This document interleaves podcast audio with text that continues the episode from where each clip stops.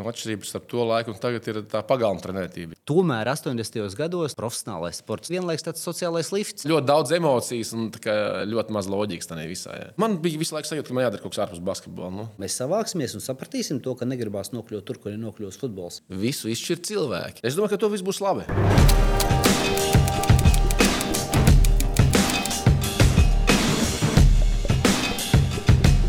Dāmas un kungi, kārtējā basketbola kluba Frīga podkāstu epizode.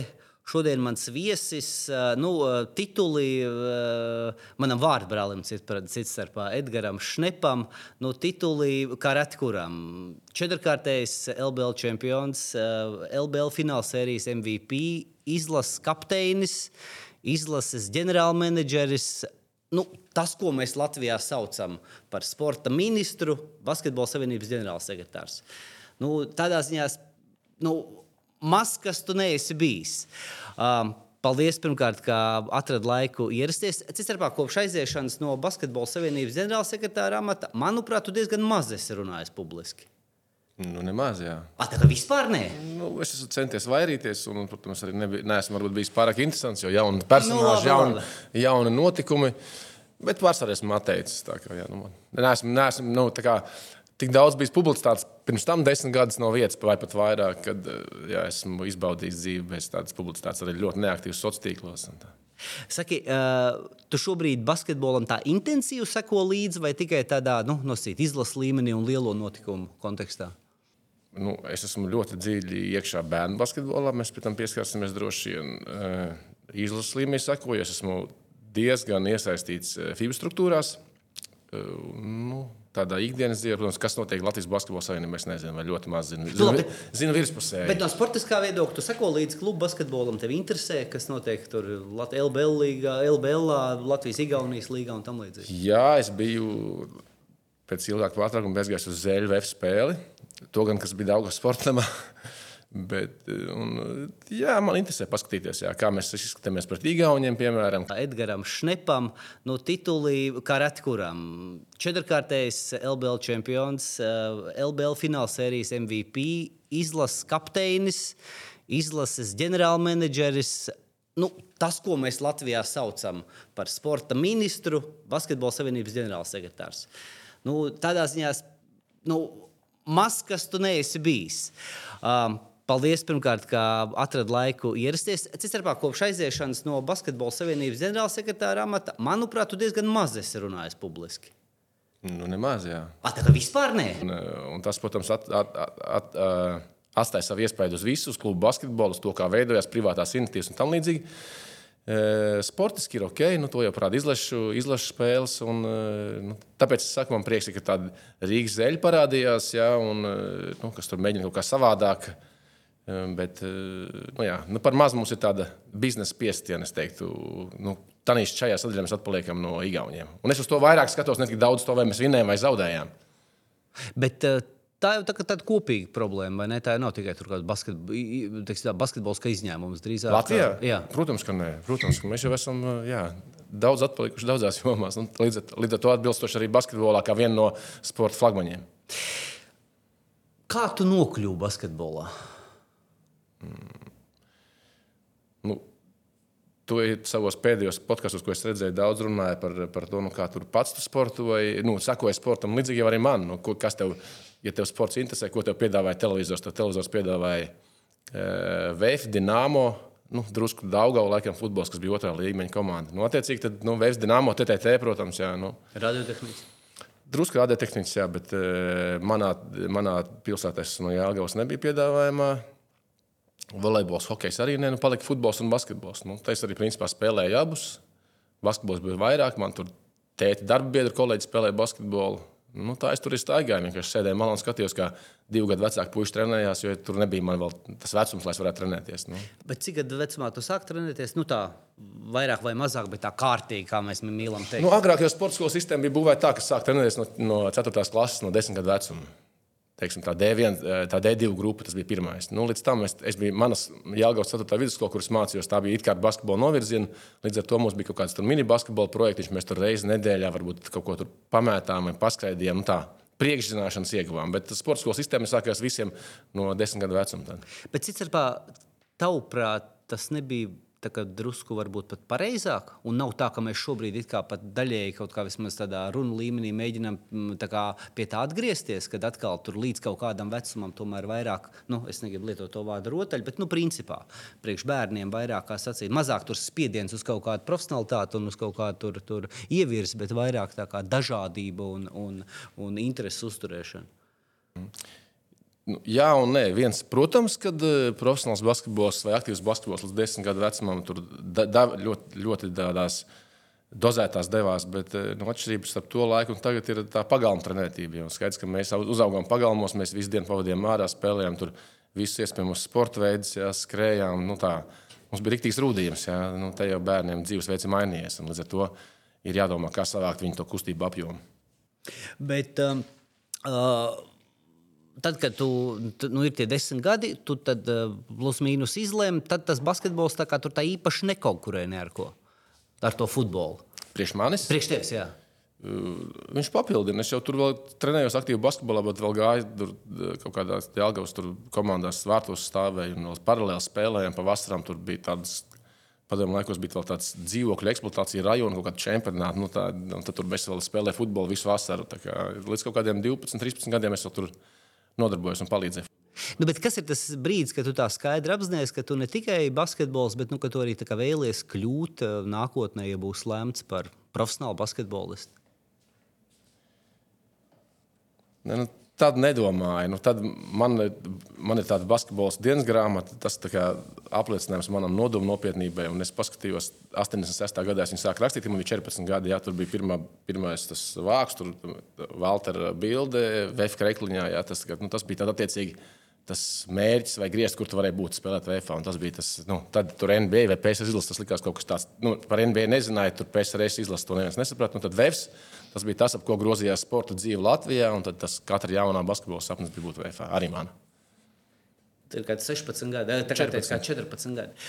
Un Vēfs toreiz, uh, uh, likās, lai priekš sevis saprastu, es, es, es personiski Vēfs tā skaidri sāku apzināties, tādā, nu, es biju jaunāks par tevi, kaut kāds 8, 9, 9 gads. Bet, Tu teici, sports dzīve grozījās ap Vēfu, bet tajā konkurencē starp Dienāmo, radiotehniku, Daugavu Tas vefs ir kur, tavuprāt? Nu, tā kopumā jau sporta dzīve skatās 80. gados.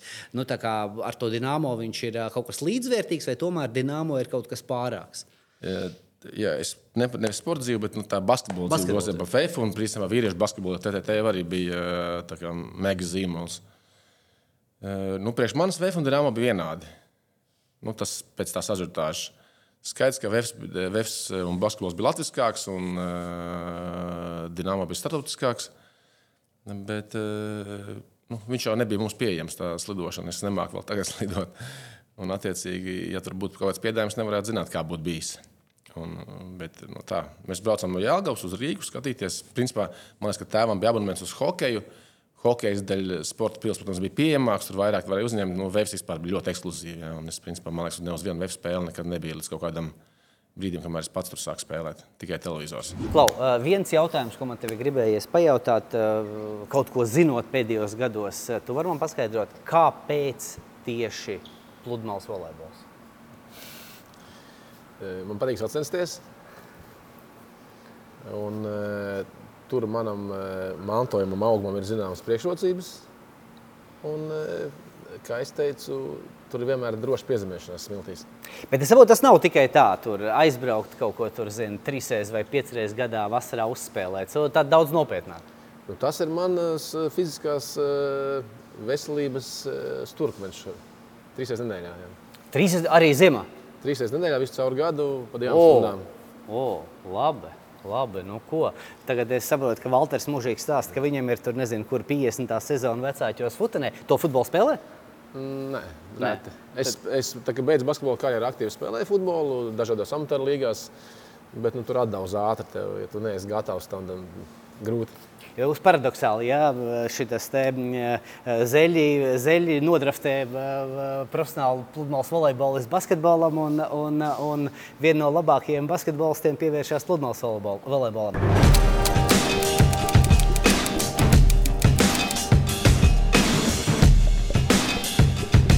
Hei, vai zināji, ka virsmu veikals tagad pašā Rīgas centrā?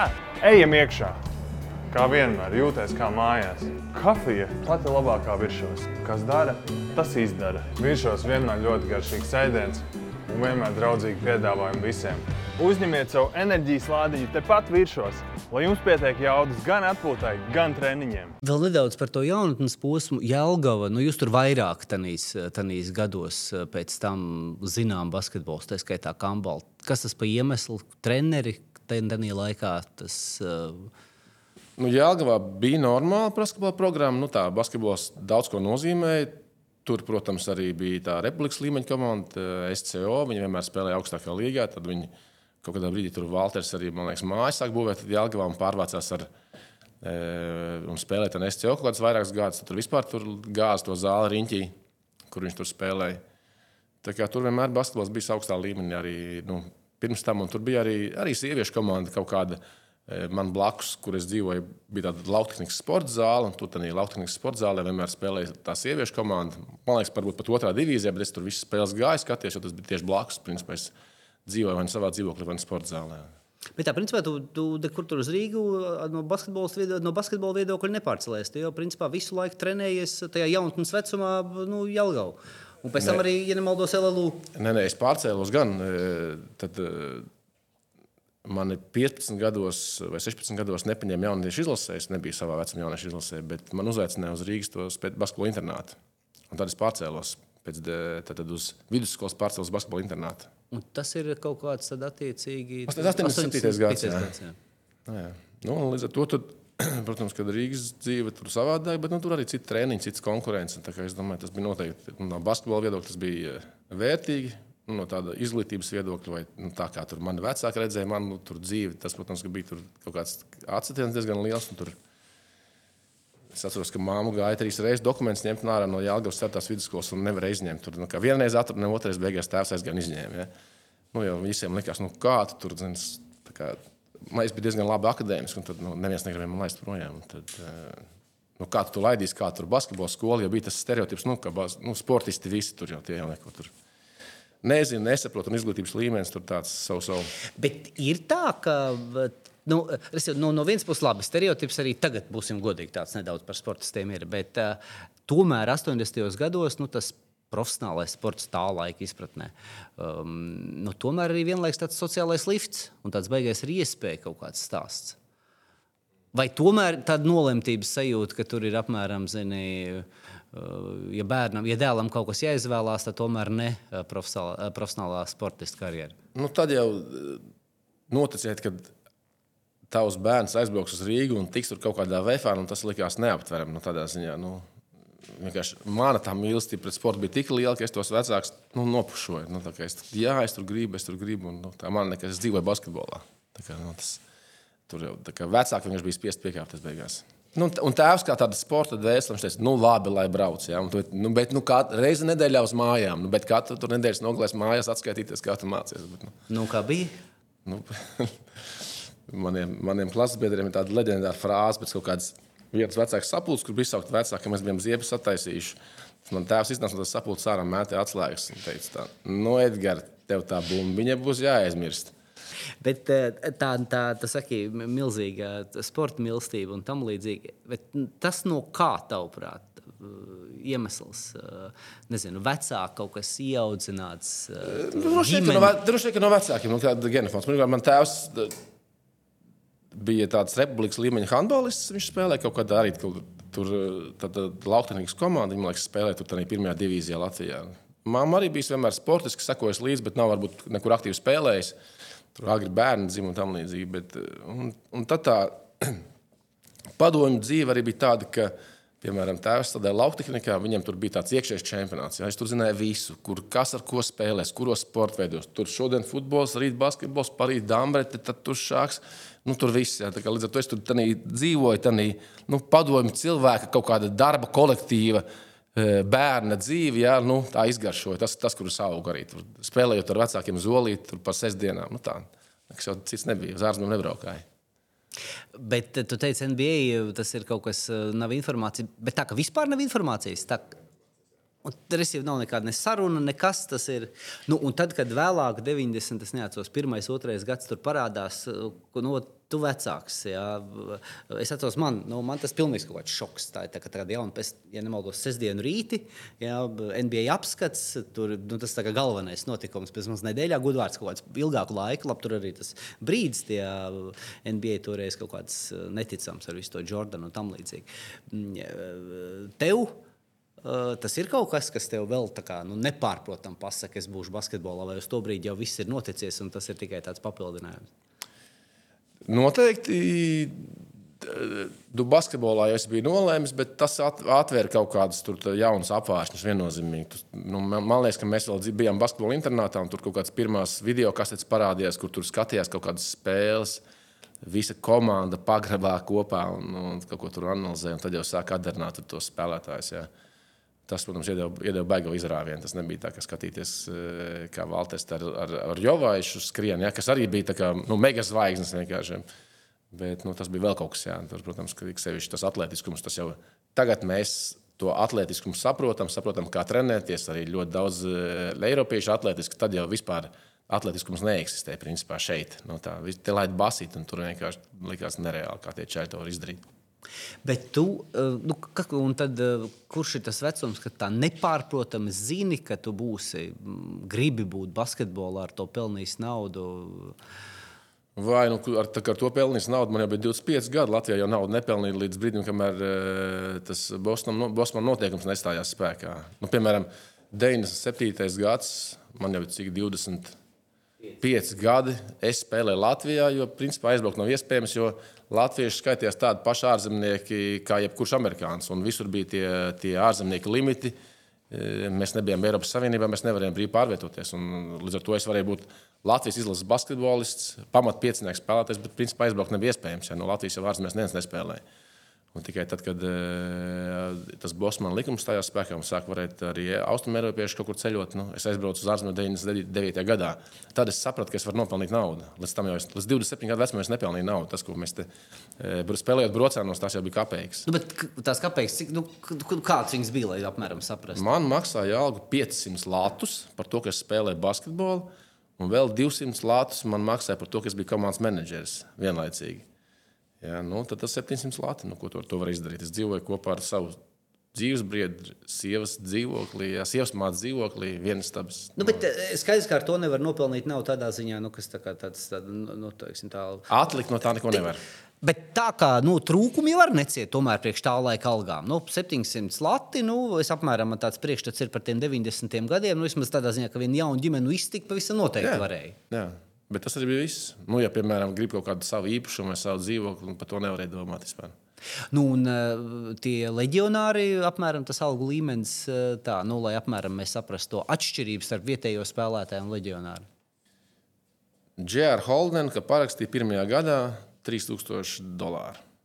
Bija cits bija tas dolāru kurs, bet nu, tā, nekas jau nu, tāds arī nebija. Nu, tie bija griezti. Jā. Te bija griezts, tas bija tāds Jā. uh, maksimums. Bija pirms tam uh, viena brīdi, nu, tas 94. Uh, gads, šķiet, ka tur bija bonus brocēni. Kaut kādu gadu, man liekas, maksāja tās algas, bet tad bonus bankrotēja. Un, mm, bet, bet, bet, ne, bet, bet ne latviešiem arī. Nu, tur, tad bija kaut kāda ārzemnieka, tad varbūt nu, teiksim, kaut kāda, kas bija Kāls Mūžnieks, tur Gunārs Vētra, varbūt tie maksāja vairāk vienu gadu, bet tas beidzās. Un pēc tam bija, tā, pēc tam bija Bankas Baltijas krīze. Līdz Bankas Baltijas krīzē tur bija brīdis, kad kaut ko nopelnīja arī Latvijā. Bet Bankas Baltijā kā beidzās, tā tur sākās diezgan liela depresija. Bonusā tu biji cik gadus? Visus nu, tos līdz 90. Es, ne, es, biju, es biju izveidošanas brīdī, pēc tam es, man valdes pārvalināja uz to SVH pusi. Es biju gadu tur, un pēc tam bonus paaicināja atpakaļ. Tur bija mans treneris no jaunatnes Juris Čirkovs. Mēs jau atradām kopsaucēju. Nu, es, biju, es biju gan, gan. Nu, tajā leģendārajā sezonā, tur, tur no 3-1 atspēlēšanās. Tur... Jā, es biju bonusietis tad. Jā. Es biju bonusietis. Un... Nu, kā tas bija no iekšas? Es tā labi atceros, kā tas bija no malas, to skatoties. Bet kā tas bija no iekšas? Nu, mēs bijām 3-1 vadībā. Es atceros, ka mums bija tādas ģimenes vakariņas. Un, principā, no tā 3-1 mēs to vienīgo spēli zaudējām arī esot vadībā vairāk nekā 20 punktiem. Nu, likās vienkārši, mums to nekas nevar apturēt, ka mēs, mēs nu, norulēsim. Un, un es atceros, pie tā 3-1 mēs ēdām tās vakariņas. Es teicu, nē, nu, ka, tas, ka nu, nav vairs te, mums neviens vairs neapturēs. Ja? Bet e, nu, mūsu apturēja, un pie 3-3 man liekas, ka tur jau tas vektors bija pilnīgi apgāzies otrādi. Uz to pēdējo spēli mēs jau gājām un izvēlējām nolemtības sajūtu. Ja? Nu, mums vēl tieši bija saslims tas ārzemnieks, Andrē Rejas. Ja? Bet nu, no tās ažūtās viedokļa, un tā kāds tas hype bija Latvijā, jā, nu, bija forši. Bet vērtīgi bija tādā ziņā, nu, tu jau jauns basketbols toreiz, tā lielākā karjera viss tikai absolūti tikai priekšā. Tad bija kaut kas, ko tu paņēmi līdzi. Nu, Tad toreiz tas basketbols nu, nebija. Tad, nu, viņš bija nesalīdzināmi daudz mazāk analītisks kā šobrīd. Šobrīd tev tur ir treneru kolektīvs, tev tur ir skauti, tur visu zini, ko tu tur izdarīji, ko tu tur nezini. Tad nāca un spēlēja. Kaut kāda taktika aprunāja, nu, tā bija viņa kaut kāda skautinga uztaisīja. Ja? Nebija jau nekādas pēc tam analīzes, tur, kas tur gāja, cik tu tur izmet metienus vai ko tu tam līdzīgi. Tur viss bija tāds ļoti, ļoti, ļoti daudz emocijas un ļoti maz loģikas tajā visā. Ja?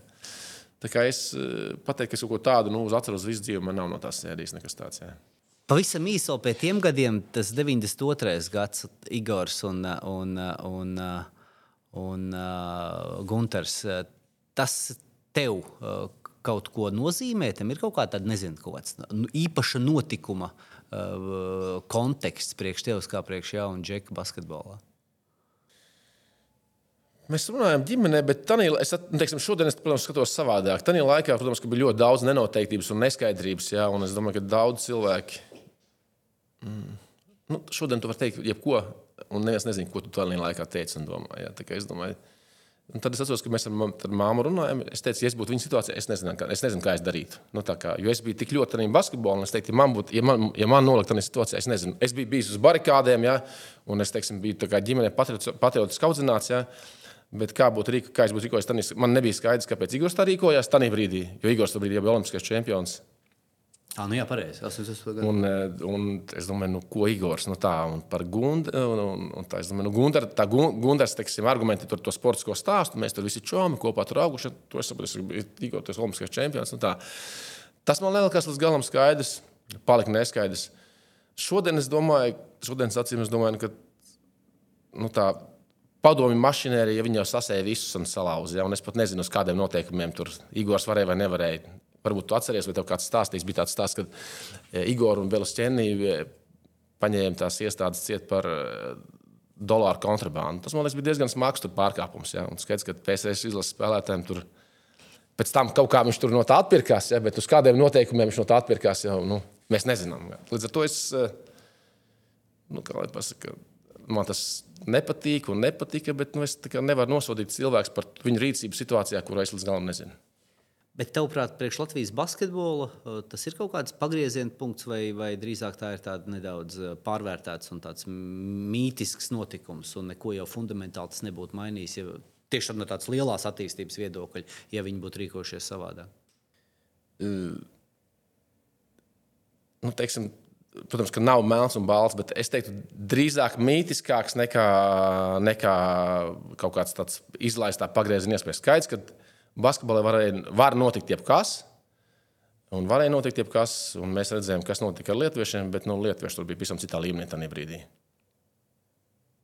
Tu drīzāk domā, ka pārvērtēts. Nu, ka mēs šodien esam tam piešķīruši un vēlamies piešķirt lielāku kontekstu. Nevis pat tai rīcībai, bet domāju, tieši tai nozīmei. Uh, basketbola kontekstā, nākotnes. Nākotnē, jā, ne, viņam bija milzīga sabiedrības. Ne, nešaubīt, jā, es par to nerunāju. Jā, es teiktu, tādā pagrieziena, vai tas, vai tas varētu būt bijis pagrieziena punkts Latvijas basketbolā, nu, tā ļoti teorētiski vēl par to pašu laiku, tieši tiem gadiem, 90. gada sākums. Nu, ir kaut kādi, nezinu, toreiz jau sen bija ienākumi un daudz plašāks skats kopumā uz um, informācijas pieejamības ziņā, un Olimpijāda jau 92. gads. Ir kaut kādi basketbols, kuriem tu ļoti gribi līdzināties, nu, kur, kur tu sevi, re, kur tu, nu, sevi redzētu, nezinu, pēc stila, pēc, pēc kaut kādām citām uh, sajūtām vai, vai izpausmēm. Nu, kā jau es eh, minēju, manā basketbola dienas grāmatā bija Valtera fotografija. Bet tas bija piektais. Te jau 92. jau teiksim, tāda. Jā, nu es biju pārņemts ar Lariju Bērdu, Boston Celtics. Savā ziņā, tāpēc man prieks, ka Kristaps ir pie, uh, piezemējies Bostonā. Ja, nu, Bostonā mīl basketbolu un saprot un tam līdzīgi. Ja. Nu, Larijs Bērts, nu, arī tāpēc, ka viņš teiksim, bija gaišas ādas krāsas, un tu saproti, ka nu, ja viņš to var izdarīt un būt tur, tad tas viss Nu, te, teorētiski iespējams. Kad ieraugot Jordanu, saprot, nu, ka tas ir nu, cilvēks no citas planētas, un tu, nu, tu tur vari viņu kopēt vai nekopēt, bet nu, tas nav priekš tevis. Ja. Nu, Larijs Bērts tas likās kaut kas tāds. Saprotamāks, un tad, attiecīgi, nu, tur, jā, nu, tu viņu kaut kā tur kopē, vai tur kaut ko skaties, ko viņš dara, mēģini izdarīt, un tad runāsim ar tiem komandas biedriem, pasties, kā viņš izdarīja to vai šito. Tā, nu. Tu to Winning Time skaties to filmu? Jau nosties, ja tev, ja tev Larijs Bērts, tad nu, skaidrs, ka viņ, par viņiem abiem tur maģiskais un viņš, un vairāk, protams, fokus uz to maģisko, to Lakers dinastiju, bet tur daudz arī par viņu. Un, manuprāt, nu, es arī kaut kādas lietas tur skatījos par, nu, grūti nocēt no tās personības. Nu, tā, tu- tur galīgi nekas nav netīšām, kāpēc viņš uh, ir tāds, kāds viņš uh, bija, tāds, kāds viņš bija laukumā. Nu, jā, viņam ir visādi tie leģendārie teicieni. Tur ir, ka viņš ienāk uz Olstarā, tādā ģērbtuvē un pasakā, nu, kurš šodien grib būt trīs punktu konkursā otrais. Jā? Un viņš arī iziet tādā treniņā, kā Jā, jā, jā. jā, un vinnē to trīs punktu metienu. Nu, arī tā, ka viņš uz to augstskolas komandu atnāk un uh, tur džinsās un, uh, un, un, un tajos zābakos uh, nospēlē un, un, uh, un, Jā, tā kā- un izvēlās. Tā kā, nu, jā, protams, ka viņš ir uh, unikāla personība. Viņš tur kaut ko pamēģina arī trenēt, jā, un tad arī viņš. Viņam tādā treniņa karjerā bija tāds slavens moments, kur viņi spēlēja, man liekas, viņš bija Indiāna Pēsters, viņi spēlēja pret Čikāgas Bulls. Un Reģis Millers kā, saņem trīnieku, un līdz ar laikiem ir trīnieku, un Indiāna Pēsters uzvar playoff spēlē Čikāgo Bulls. Viena no spēlēm, vienkārši, un kamera ir Larija Bērda. Viņam pat nenorās tas plakstiņš. kā, Tā, nu, viss tur zāle eksplodē, viss tur skrien lēkā. Viņš vispār neko. un Viņam prasa, nu, Larija, viņš, nu, tas bijis tūkstoši reizes. Nu, tas jau bijis tūkstoši reizes, nu, es redzēju to. Bet, nu, kāda treneris nu, nesanāca vai negribēja. Nu, tā, bet, Nu, kāpēc nesanāca? Nu, nebija nekas liels, bet Jā. tā jau tur, tā kā tu teici, tā sezona jau viņš jau Jā, tur. Nu, labi, ja vēl divi jānosauc. nezinu, nebūs. Jaunatnes eh, tajā posmā, tāda, ja tev būtu tā īpaši jāatzīmē kād, kādas personas, nu, visticamāk, treneri, bet, var, bet varbūt ne tikai treneri, kur tev nezinu, visvairāk iemāca, iedvesmo, notur basketbolā kaut kādos tur, tur mirkļos. Nu, priekš manis bija uh, milzīgs uzrāviens Vīlis, kad viņš, uh, būdams tev galvenais treneris, atnāca internetā par treneru strādāt. Nu, viņš atvēra principā arī to NBA un vispār to filozofiju. Uh, viņš, man liekas, bija tad ar Bliku kopā tur jau to amerikāņu bāņu basketbolu centās atvest uz Eiropu. Un kaut ko no tā amerikāņu basketbola vēlāk arī uh, centās īstenot. Ja, tur brīžiem veiksmīgi, brīžiem netika veiksmīgi. Ja? To jau mēs pēc tam tikai saprotam. Ja, Sidjākins tur to 3-1 sēriju, ko tu jautāji, viņš gandrīz uzvarēja, bet pēc tam arī zaudēja pats, ja, jo mēs ne, tur ne- nespējam adaptēties. Līdz ar to noteikti jā, nu, Vīlis jāatzīmē no tādās agrīnās jaunības. Un, nu, vēlāk valsts, protams, arī kaut kādos jau tur 22 gados, var, varbūt jā, ka nu, tā arī tādu atvēra ap citus apgājumus. Protams, mēs daudz laika pavadījām ar Pēteru Šņēvicu kopā, tur visādās nometnēs un treniņos. Ja. Pēters vairāk tāds nu, kā pasaka, darba mīlestība, viss tas, ka tu vari un tam līdzīgi. Ja. Bet teiksim, tādi kaut kādas jaunas idejas, domāšanā un pieeja basketbolā, no šiem Vils un Valdis. Ja. Pēc aiziešanas no um, Basketbola Savienības ģenerāla sekretāra amata, es saprotu, es izveidoju uh, privātu basketbola skolu. Ja. Kaut ko vairāk izmēru. Man īstenībā, teikšu godīgi, man tas bija pārsteigums. Cits starpā man to teica tavs novadnieks uh, Valds Valters. Mēs te ar viņu kādu, varbūt es dzirdēju, esam atsākuši komunicēt pēc tāda uh, 15 gadus gandrīz. Uh, man tas bija pārsteigums, tiešām nebija dzirdējis. Kas, cik liela, kādi mērķi, kāpēc? Okay, kāpēc? Nu, pirmkārt, man vienmēr ir bijis daudz enerģijas. eh, Man ir, eh, es finansiāli esmu ok, un līdz ar to es gribu kaut kur tērēt savu enerģiju sabiedriskajā darbā. Es uzskatu, ka katram jātērē sabiedriskais darbs. Eh, Nu, protams, ka es vislabāk saprotu basketbolu. Līdz ar to es skatos, vai nevaru kaut kur pielikt roku. Man uh, aug divi mazi bērni, vienam ir divi gadi, vienam ir septiņi gadi. Līdz ar to, ja es gribu viņus sūtīt basketbolā, es negribu viņus vest uz Rīgā, jo manā novadā basketbols nav. Tad šo argumentu kopums noteica to, ka es teicu savai dzīves, arī Ilzē teicu, nu, darām. Ah, nu, Ilzē arī viņai ir pieredze arī sporta administrācijā. Viņa vadījusi ministrs volejbola skolu. Un viņa arī vada. Un viņa šobrīd ir tāds jā, administrators. Jā, nu, vietā. cik bērni šobrīd? Šobrīd mums 328 bērni trenējās. Un, jā, nu, bet vecākajiem bērniem ir tikai 13 gadi. Būs nu, vairāk. Labi. Būs, ne, būs vairāk. Es gribēju teikt, būs, jā, būs vairāk. vairāk. Bet, un, un, tur, bet tā nav kaut kāda pēc izmēra, ja mēs runājam kategorijās privātās basketbola skolas, tur nav kaut kāda pēc skaita ziņā, pēc bērnu skaita ziņā līderis valstī. Ne, nu, privātās jau mums vispār nav. Ne, labi, nu, kaut kas ik pa laikam tur ir kā par, nu, jā, bet viss arī pazūd. Viss pēc tam inkorporējās kaut kādā pašvaldības nu, jā, jā, visi, basketbola klase. Tur, jā, jā, visi kaut kā, jā, tomēr sūkņē no pašvaldības, jā. Uh, noteikti jā, lielākā, bet nu, mēs būsim vēl lielāki noteikti, jā. Tā kā, un, Mēs esam tikko pieņēmuši tev zināmo Kristapu Zeidu kā galveno treneri, kā treneri treneriem, kas parāda mūsu to nopietnu, nodo, nopietnību. Nu, kā, jā, viss notiks. Cik zāles?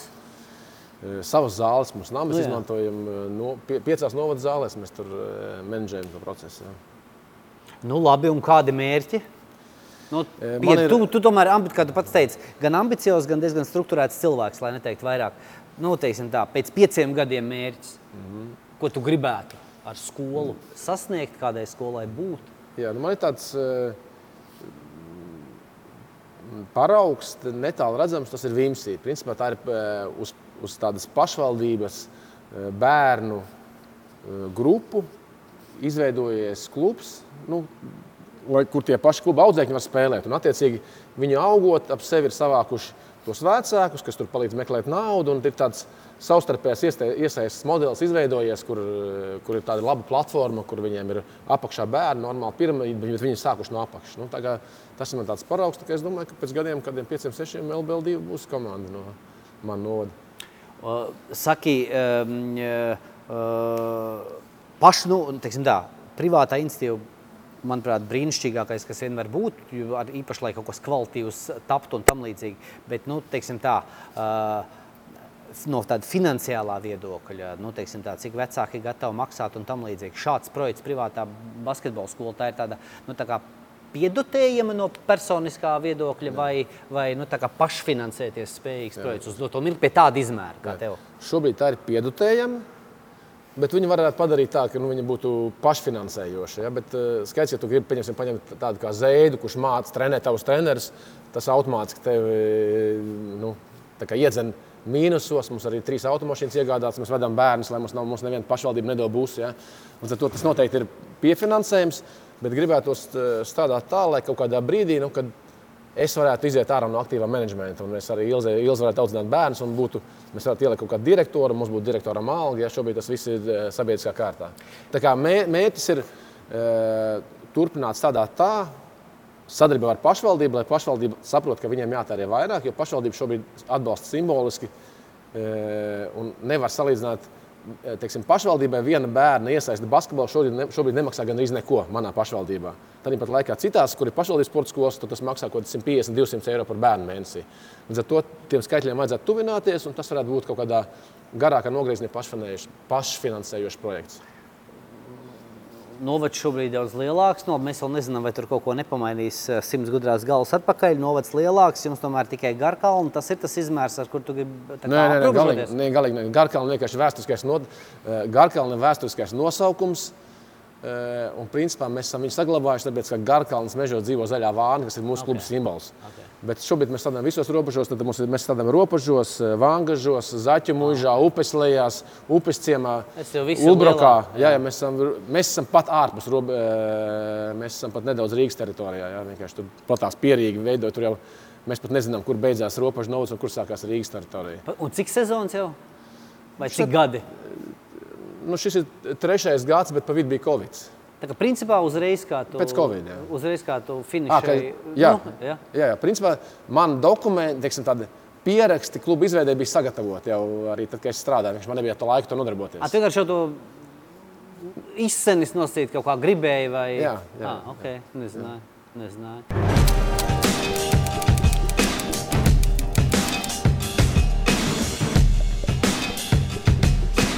spēlēt, prot, daudz. Laukumā visu izšķir detaļas un nianses. Katrā uzbrukumā, katrā aizsardzībā. Jo augstākā līmenī tu spēlē, jo likmes un prasības ir augstākas. Mēs strādājam dienu no dienas, gadu no gada, lai slīpētu katru sadarbību, saspēli un metienu. Tikai tāpēc mēs uzvaram. Rietumbanka kvalitāte nekad nav nejaušība. Saki, var tā teikt, ka nu, 90. 90. gadi Latvijas klubu basketbolā nu, tas tāds kaut kāds nezinu, zelta laikmets, kaut kas, kaut kas savā ziņā varbūt pat neatkārtojams. Kuri gadi? 90. kopumā. No ažiotāžu viedokļa, no varbūt kaut kādas pat konkurences viedokļa. Es te kaut kad nesen atceros, skatījos, kad pusgadu atpakaļ YouTube uzdūros uz kaut kādu spēli, ceturdaļu fināla spēli starp Rīgas laiku un, un uh, Laineru. Ja, un tā zāle un tā ažiotāža, tas ir ceturdaļs fināls. Ja, un, un, un, un tu saproti, ka neviena no tām komandām necīnās par titulu. Tas nav tā kā tur eh, kāds uh, underdogs iekodas tagad tur, tur līderim, un tāpēc ir tur kaut kāda ažiota. Nē, tā ir tur, kā sacīt, tur trešās, ceturtās uh, potenciāli, pēc potenciāli trešās, ceturtās vietas komandas cīņa, un, un tā, un tā ažiotāža nereāla. Nu, tāpat tās jau pieminētās tur, tur, tur, tur 95. gada fināla sērijas un tam līdzīgi.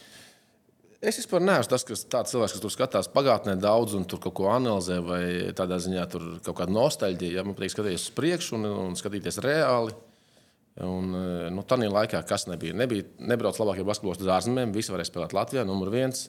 Otrkārt, nu, arēnas, kuras bija jāpiepilda, bija daži simti. Nu, lai arī kā mums tur likās, ka ir baigais hype, bet mēs runājam par Dāngos sportam, kā par lielāko sporta bāzi. Ja. Daudz mazāk konkurence no citiem sporta veidiem, daudz mazāk visādas pieejamie mači no Eirolandā, kur cilvēki skatās, nu, piemēram, es skatos Eirolandā, nu, nu, Latvijas līmenis. Jā, nu, tad jau tev nebija ko īsti salīdzināt. Jā, tev bija tie cilvēki, kas Latvijā nu, tur maz ko redzēja no ārpuses. Tas likās, tev likās augstākais plaukts. Tā kā es par to, nu, to nevajag aizmirst. Līdz ar to es domāju, ka Viss ir iespējams. Mums eh, vairāk jāorientējas uz biznesu šeit, uz tādu biznesa pieejamu, uz mārketingu, un jāreklamē un jāpromotē tas, kas mums šeit ir. Eh, jāmaina domāšana, vairāk privātās iniciatīvas, un es domāju, ka viss, eh, viss ir iespējams. Un es domāju, ka nu, arī tā pati jūsu spēle, piemēram, Jālgavā, tikko, kas bija atkal ar zeļiem, jā, nu, tur jau ja nopirkt biļetes visi, nebija jau tā, ka tur kādam izdāļāja. Nu, plus, mīnus, tā kā es domāju, ka pareizi strādājot, ir potenciāls eh, normāli ažiotāžu panākt. Un, teiksim, pēc iesaistīto skaita varbūt daudz lielāk pat nekā tajos laikos, ko tu nosauc par zelta laikiem. Tavā basketbolista karjerā, nu, varbūt klubu basketbola karjerā, tad lielākie notikumi, kurus tu pats gribētu atzīmēt? Saprotu, ka tev īpaši nepatīk, piedod, ka es tev par to spīdzinu, eh, bet, eh, bet nu, tādi, nu, kurus tiešām tu atceries. Nu, es no tā laika sākšu, lai vieglāk. Es, tā, man, nu, es atceros to spēli Reāli Rīgā, eh, to rītu pie tās sporta pilsētas, kādu plānprātīgo rindu, eh, kur tu tagad aizēji un tu saproti, ka būs varbūt jāpastāv. Un, un tu atnāc un saproti, ka būs jāstāv tur kādas stundas, divas, trīs. Skaidrs, ka internetā neko nopirkt nevar. Tur ir kaut kāda vienkārši plānprātīga rinda, kā es nezinu. Man dzīvē laikam lielākā rinda, garākā rinda, ko es esmu redzējis. Uh, nu, no, no tāda viedokļa, kas tev pašu uh, nošokē un kaut kādā ziņā to atceroties, vēl ar vienu liekas kaut kas tāds no nu, foršs, ka es kaut ko tādu piedzīvoju. Jā, man.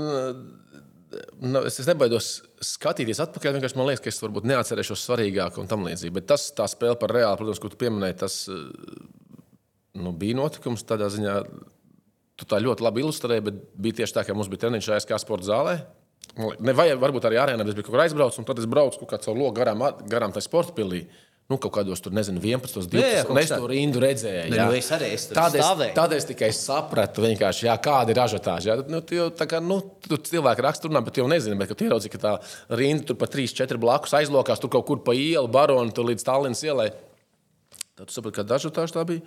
Nu, protams, ka mēs ne tikai tur labi spēlējām, bet mums arī brauca megazvaigznes ciemos, un viņi arī uzvarēja eh, to kaustu gadiem Madrids Reāls. Tā bija. Jā, nu, tā pašā sezonā, man liekas, mums bija vēl grupu turnīrā tāda ļoti zīmīga spēle. Mēs spēlējām arī ar Itāļu, ar Itāļu supergrandiem, tāds Kavalīni. Mēs viņam zaudējām izbraukumu, mums bija savās mājās spēle. Tā, tā spēle bija arī izšķiroša. Mēs tiekam plēsoņā vai nē, un mēs nekad nebijām bijuši plēsoņā. Tad vienkārši tur pirmā, pirmais puslaiks bija tā, ka nu, neviens nevarēja aizmest no mums garām. Man bija 5-5 trūņi, un bagiem bija 5-5 trūņi. Ja, tad tur viss cilvēks, tā, nu, nu, rezultāts bija 61, 39, pirmā puslaika, un viss ķēra to galvu, ķēra galvas, nu, kā tā var mest mest un tam līdzīgi. Un tad, principā, tas bija tāds arī tā kā, stūrakmens, kas kā, nodrošina to, ka mēs tikām nākušā kārtā, un tad, kad mēs tikām nākušā kārtā, plēsoņā, tad jau tur parādījās tie abi, abi ārzemnieki, mm -hmm. jo mēs, mēs laidām tikai vietējie to, to turnīru kārtu. Ah, okay. Un tad atbrauc Fergusons uz Timons, un tad viņi, principā, tad mums bija spēles pret Frančiem, Antibes, kas arī augsta līmeņa komanda, kur mēs kuram tikām pāri, lai būtu uz Reāli. Nu, tā bija tāda, jā, tā bija tāda, nu, priekš manis tā bija mega sezona. Un, un arī es sapratu, ka es varu spēlēt tādā līmenī. Un, nu, jā, tā, es, laikam, 99. gadā aizbraucu uz Poliju. Nu, jā, tad es, tā, man tur nekāda pārsteiguma nebija spēlēt, braukt jau par rietumu Eiropu un spēlēt tādu līmeņu komandā. Tu pieminēji Fergusonu Timons. Viņi nu, tiešām bija tik labi. Vai nu, kā ir saglabājušās tās atmiņas visiem, kas toreiz tam basketbolam sekoja? Man vispār par to ir ļoti daudz informācijas, jo, kā jau teicu, es pa 200 latiem biju menedžers paralēli tam, kas trenējos. Un laiks tam rītam, vakar treniņš pavadīja valda oficiālā, un es arī biju atbildīgs par, par sarunām ar aģentiem. Es zinu nianses. Timons bija ļoti labs, bet diezgan slings. Nu, Fergusons bija eksplozīvs un eh, ļoti kolorīts un tāds, bet, nu, mazmeistarīgs un arī ļoti slings. Nu, tā. Bet nu, personības liels. Jo, nu, es, nu, es... Personības ļoti nu, ziņā, interesantas, mums nepierastas, līdz ar to saistošas. Ja? Nu, bet tāds kā Fergusons, šodien viņš nekur nevarētu spēlēt. Nu, viņš, tā, mēs no rīta trenējāmies, aizkā zālē viņš tur blakus gulēja. Viņš bija iepriekšējā vakarā dropējis. Nu, mēs tur mēs cilājām svarus, mētājām, viņš tur tās gulēja uz, uz tribī, tribīnēs. Tāds bija, bija viņa rīta treniņš. Nu, tāda jau ilg, ilgstoša tāda basketbola karjera nevar aizvadīt. Nu, bija pie tiem eh, nozīmīgākiem. Bet viņš bija ļoti jauns. Tanī, viņš bija ļoti jauns un tādā ziņā, ka man ir jauns, jau tu daudz ko vari. Nu, jā, jā. Ja pie tiem nozīmīgākiem notikumiem, pielē, nevis notikumiem, bet tās atlases pieliek klāt arī eh, Latvijas izlasi, eh, ir kāda īpaša spēle? Viena. Visīpašākā. Nu, okay, es sāku šo kamēr tu domāji, iepriekš kontekstā. Man tā Vācija un toreiz tie, cik tur bija jāvienē ar to plus 20 vai plus 21 un, un tam līdzīgi. Nu, tas jau man par 90 gadiem un par Latvijas izlases basketbolā. Man personiski kaut kā viss ap to spēja. Labi, es daudz saku, mazāks, jaunāks, man tas man daudz tāds savā ziņā pat senāks liekas. Uh, nu, tas man bija tāds kaut kāds brīdis, kad es sapratu, nu, ka viss tiešām ir iespējams. Ja, jo man pirms tās spēles kaut kā likās, tā mana sajūta, kā līdzjutēja sajūta, ir tāda, nu, ka visticamāk nebūs. Ja, Un tad, un tad ir. Un, un tur, laikam, neļaus samalot, man liekas, tieši ar tik, cik vajadzēja vinnēt, arī vinnēja. Vai, vai, plus viens, laikam, tur kaut kāds viens punkts. Mums vajadzēja vinnēt to spēli, lai mēs varētu palikt uh, iekšā sacensībā par tikšanu Eiropas čempionātu. Tad mums bija vēl spēle par Tigauniem ah, mājās. Nu, un uzvarot abus, mēs būtu iekšā. Jā. Un tad par uzvarēt ar tiem punktiem jau neviens nedomā. Jo uzvarēt ar tiem punktiem deva automātiski kvalifikāciju. Tā pēdējā spēle Tigauniem. Tad noteikti neviens neko tādu nedomāja. Jo tas likās nereāli. Nu, Jā, tas, tas, tas likās nepārāk reāli. Tas man pašam arī iedeva turpmākajai karjerai tādu pārliecību, ka nu, viss ir iespējams un ka tur nu, tikai spēle parāda, kas notiks. Un tu to nevari. Nu, teiksim, tagad jaunieši to dabūna daudz ātrāk ar to, ka viņi tiek skoloti jau no mazām dienām. Nu, mēs jau augām savā vaļā. Mums jau nebija nekādas analīzes. Nu, tikai, nu, saku, Tāda Vācijas spēle man pašam parādīja, nu, ka ka basketbols īstenībā tur rezultāts noskaidrojas 39 vai 40 minūtē. Tev nevajag vērtēt pretinieku pēc tā, kas bijis. Katra spēle ir savādāka, apstākļi. Jā. Man pašam tā spēle bija ļoti laba, lai gan es jutos ļoti slikti. Man spēlēja ceļš, man sapēja cēlis, un es tāds, nu, tāda spēle, kuram tu īsti netici. Un uh, viņi sākās ar kaut kādiem mīnusiem. Ja? Un tu kaut kā caur to, caur to darbu un caur to spēli, tu, jūti, ne, tu vari to spēli vinnēt, un tu vari vinnēt vairāk nekā esi gaidījis. Ja? Un līdz ar to tas bija tāds priekš manis pašs tāds, jā, kaut kāds tāds jaunas apziņas brīdis par to, ko var izdarīt basketbolā un kā var izdarīt basketbolā. Bet treneris laikam toreiz bija zeltiņš, bet nu, valdim arī tur liela loma. Ja? Nu, tur neviens negribēja to izlasīt tendēt. Jo man liekas, tur bija kaut kādas izgāšanās pirms tam, 95. kad nebija tikuši laikam, netika uz Eiropas čempionātu. Tad uztaisīja to kaut kādu konciliju.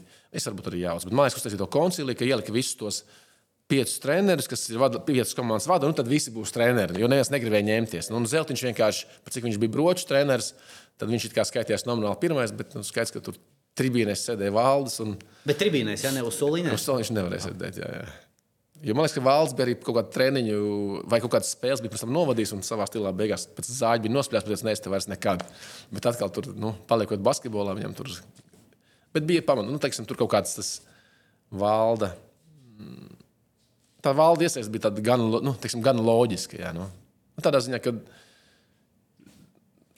Jānis Zeltiņš. eh, Ļoti cienījama personība, es daudz no viņa mācījies, bet nu, modernā basketbolā, protams, viņš bija tālu aiz valdi. Jā. Valdes negribēja būt tur priekšplānā, bet nu, viņš atrada tādu kā Jānis Zeltiņu. Nu, viņiem bija normāls attiecības. Viņi tur mācīja sarunāt, kā tas notiek.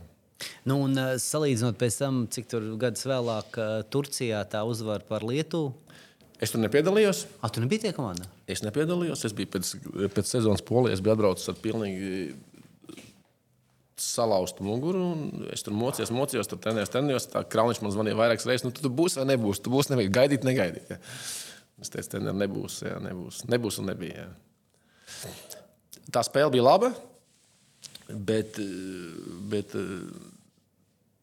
tas, kas, norā, tas, kas notika pēc tās spēles, protams, parāda to, cik mm, nu, relatīvi zemā līmenī mēs bijām tādā basketbola inteliģents, jo tur jau pēc tam čempionāts beidzās priekš Latvijas izlases. Attieksmes ziņā no treneriem, no spēlētājiem, tam līdzīgi tur jau nespēlēja. Nu, tagad, tagad tas ir, liekas, prātam neaptverami, bet nu, tas tā bija. Nu, uzvarēja Lietuvas un viss čš, beidzās. Ja tev būtu jānosauc, vai ir vispār, es atceros, savā laikā kaut kādā ar Sandozoliņu runāju.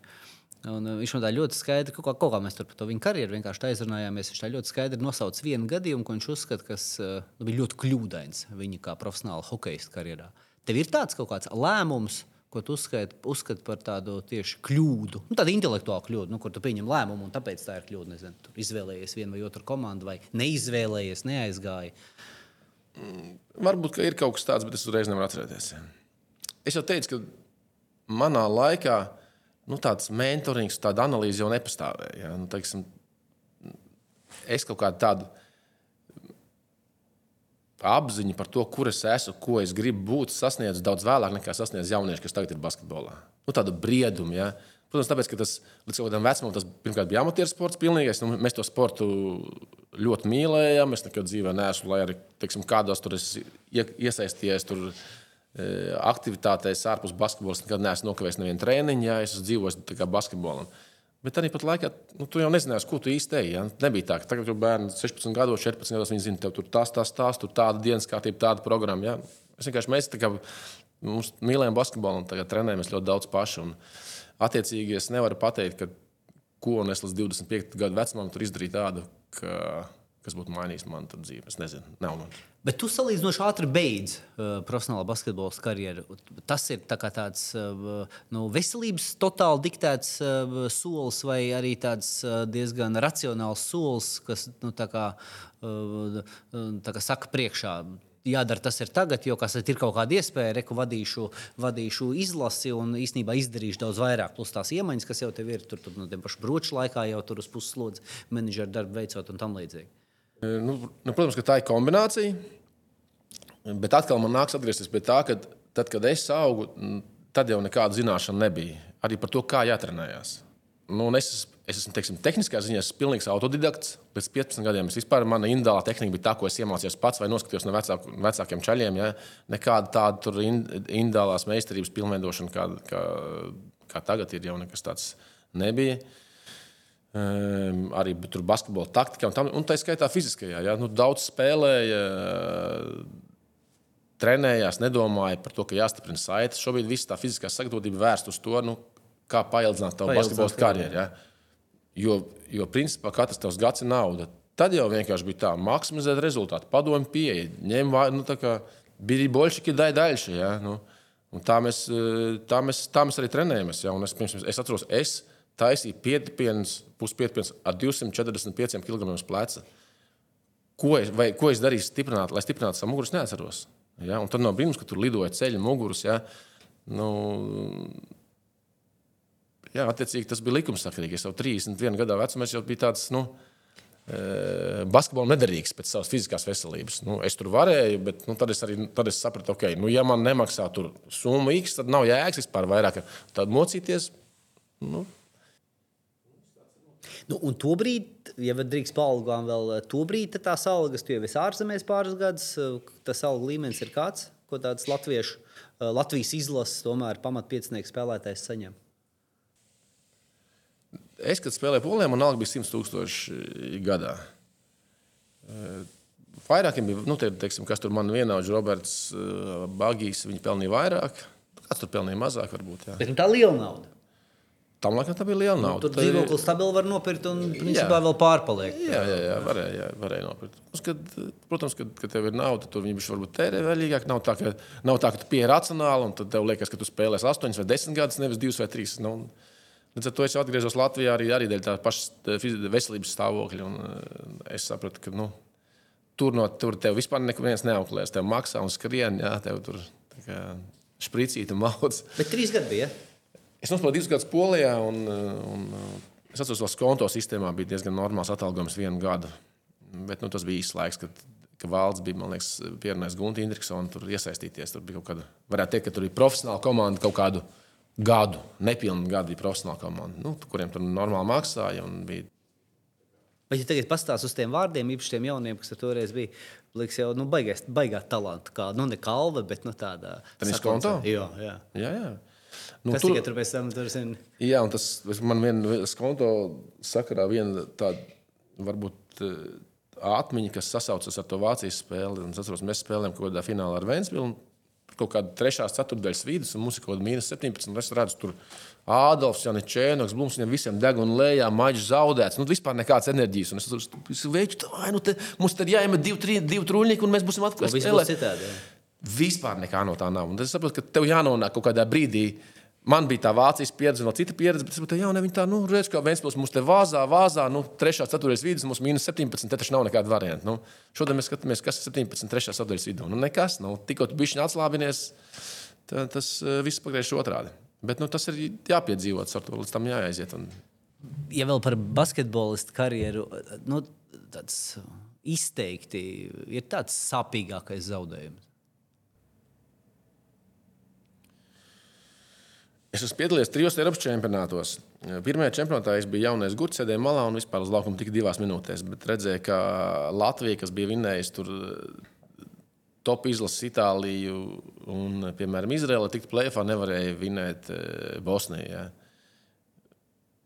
97. gads bija disasters, tad, kad Igors Biglinieks bija treneris, mēs zaudējām visas spēles Eiropas čempionātā. Un trešais Eiropas čempionāts bija 23. gadā, vai, atvainojos, 2003. gadā Zviedrijā. Uzstāda 2001. gada viļņa, kur mm -hmm. Latvija vinnēja Lietuvu. Mums pirmā spēle bija atklāšanas spēle ar Latviju Lietuvu. Ah, jā, tas neatceros. Bet Lietuva vinnēs ap citu čempionu pēc tam. Jā, nu, tur ir tā lieta, ka mē, mēs zaudējām Lietuvai pagarinājumā 91, 92. Tu, topošajiem čempioniem. Jā, un pēc tam mums bija laba spēle ar, ar uh, Vāciju. Nu, tur no Vītskas ierindā man ir vēl tas leģendārs foto ar viņu kopā spēles laikā. Tur Kaut kāds 6, 8 punkti. Nu, tā labi. Un pēc tam bezcerīgs zaudējums Izraēlē pa 20 un kaunpilnu atgriešanās mājās. Ja. Nu, tas bija ļoti sāpīgs tas zaudējums. Katrā ziņā nu, tas, Tas ir Izraēlais zaudējums. Ja? Jā, jo tā bija vajadzīga komanda. Mums bija jāvienē, lai tiktu uz nākamo kārtu. Jā, nu, mēs uh, zaudējām diezgan nu, bez. Un pēc tam jau tas bija kaut kā bezmaz rakstura. Ne jau tur tev, bet, nu, principā jā. Latvijas izlasē tur vairāk kārtas at- nu, atceries. Tur deviņa- 2007. gadu, jā, tur vinējām Horvātiju, cieņpilnī tiešām Jā, ar Spāniju. Un pēc tam Portugāli. Jā, jā, jā tas, tas, tas, jā, tas bija raksturīgi. Nu, es teiktu, varētu, tas, varētu ļoti, tas bija tāds sāpīgs. Es tur biju iesaistīts un, un atceros visas tās mīlas, kas pēc tam bija. Zinu, kā es gatavojos, cik nopietnam čempionātam. Un, un tā, tā kā, nu, jā, varbūt tas. Par treneri tu kādreiz, eh, nezinu, es vēlējies kļūt vai, vai, vai tieši pretēji? Nē, nekad. Uh, nē, es neesmu vēlējies. Nē. Es esmu daudz man ir jautājuši. Es pats, man jāatzīst, ka es šeit vadu savā klubā bērniem treniņus tagad. Un eh, es varētu būt, domāju, ka treneris labi orientējos, bet kaut kā es nezinu, tas nav priekš manis. Nu. Bet kāda iemesla tam ir vienkārši rutīna, tā, vai, vai, vai tieši pretēji tas kaut kāds stress un tā kaut kāda atkarība, nevis atkarība, bet tāda savā ziņā pat varbūt bezspēcība. Ka tu, zini, es esmu dažreiz runājis ar tādiem uh, labiem basketbolistiem karjerā, kuri arī ir treneri. Viņi saka, tā problēma, ka tu tā, tā sajūta, ka varētu iziet un, un, un, un, un, un mēģināt izdarīt. Nu, saprot, ka nē, bet. Nu, Man bija visu laiku sajūta, ka man jādara kaut kas ārpus basketbola. Nu, jābūt biznesā vai pārvaldībā, kaut kā es kā redzēju sev dzīvē ārpus sporta. Nu, tad, kad tu beidz, tu faktiski nu, tu jau nekur nebe, ne, ne, neaizēji. Tev uzreiz momentā tu esi izlases ģenerālmenedžers. Nu, toreiz tas notika tā, nu, re- pie, mēs jau pieminējām to 2001. gadu, kur mēs uzvarējām Lietuvu un pēc tam vispār beidzām spēlēt. Nu, nepiedalījāmies čempionātā, varētu teikt. Tas pats Kompilnes zaudējums Izrēlē. Nu, viņš jau ir tāds iemeslu kopums. Ja, un, un, es, esot paspē, nu, pabijis jau ārzemēs, un tur es redzēju, or, jau organizācijas strādā un tam līdzīgi. Nu, es aizgāju pie Ojāra un teicu, ka Ojāra, es saku, šitā tas nevar turpināties. Mums būs nākamais čempionāts, būs tāds pats, ja mēs kaut ko nemainīsim. Un tad Ojārs teica, nu, labi, Edgar, nu, parādi, kā jābūt savādāk. Nu. Un ar to man bija iespēja. Tā es kļuvu par to ģenerālmenedžeru. Es negāju, ne, mēs vienkārši tādā. Tas ir 2003. gads. Trešais gads, jā. Es pēc tam jau ar pusdienas izstāstīju, jā, nu, kā, es nezinu, ko tev tur saka treneris vai tev menedžers stāsta, bet nu, es tev saku no spēlētāja virtuves, ja mēs neko nemainīsim, nekas arī nemainīsies. Nu, tā. tā es nokļuvu tur. Nu, un kā tie pirmie, vai pareizāk sakot, tie divi gadi? Tas pirmais posms, izlases un, un nu, faktiski kaut kādā ziņā arī tādā basketbola uh, dzīves organizācijā.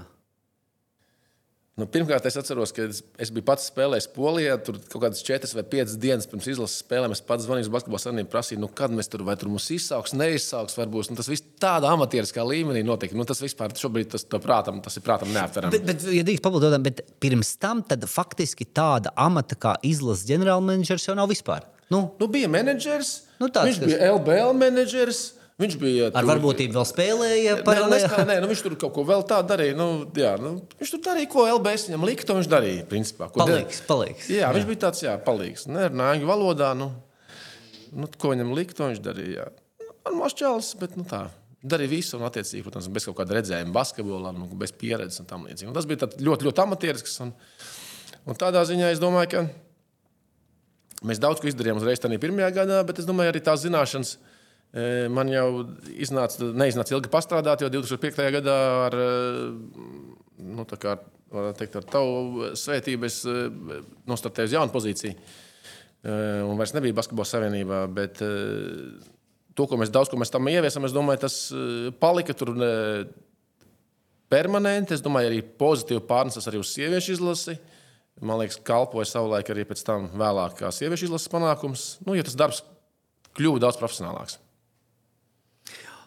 Saki, tas um, jau pieminēji iemesls, kāpēc tu mm, piekrīti toreiz uh, kandidēt uz to valsts sekretāra vietnieku izglītības ministrijā sporta jautājumos.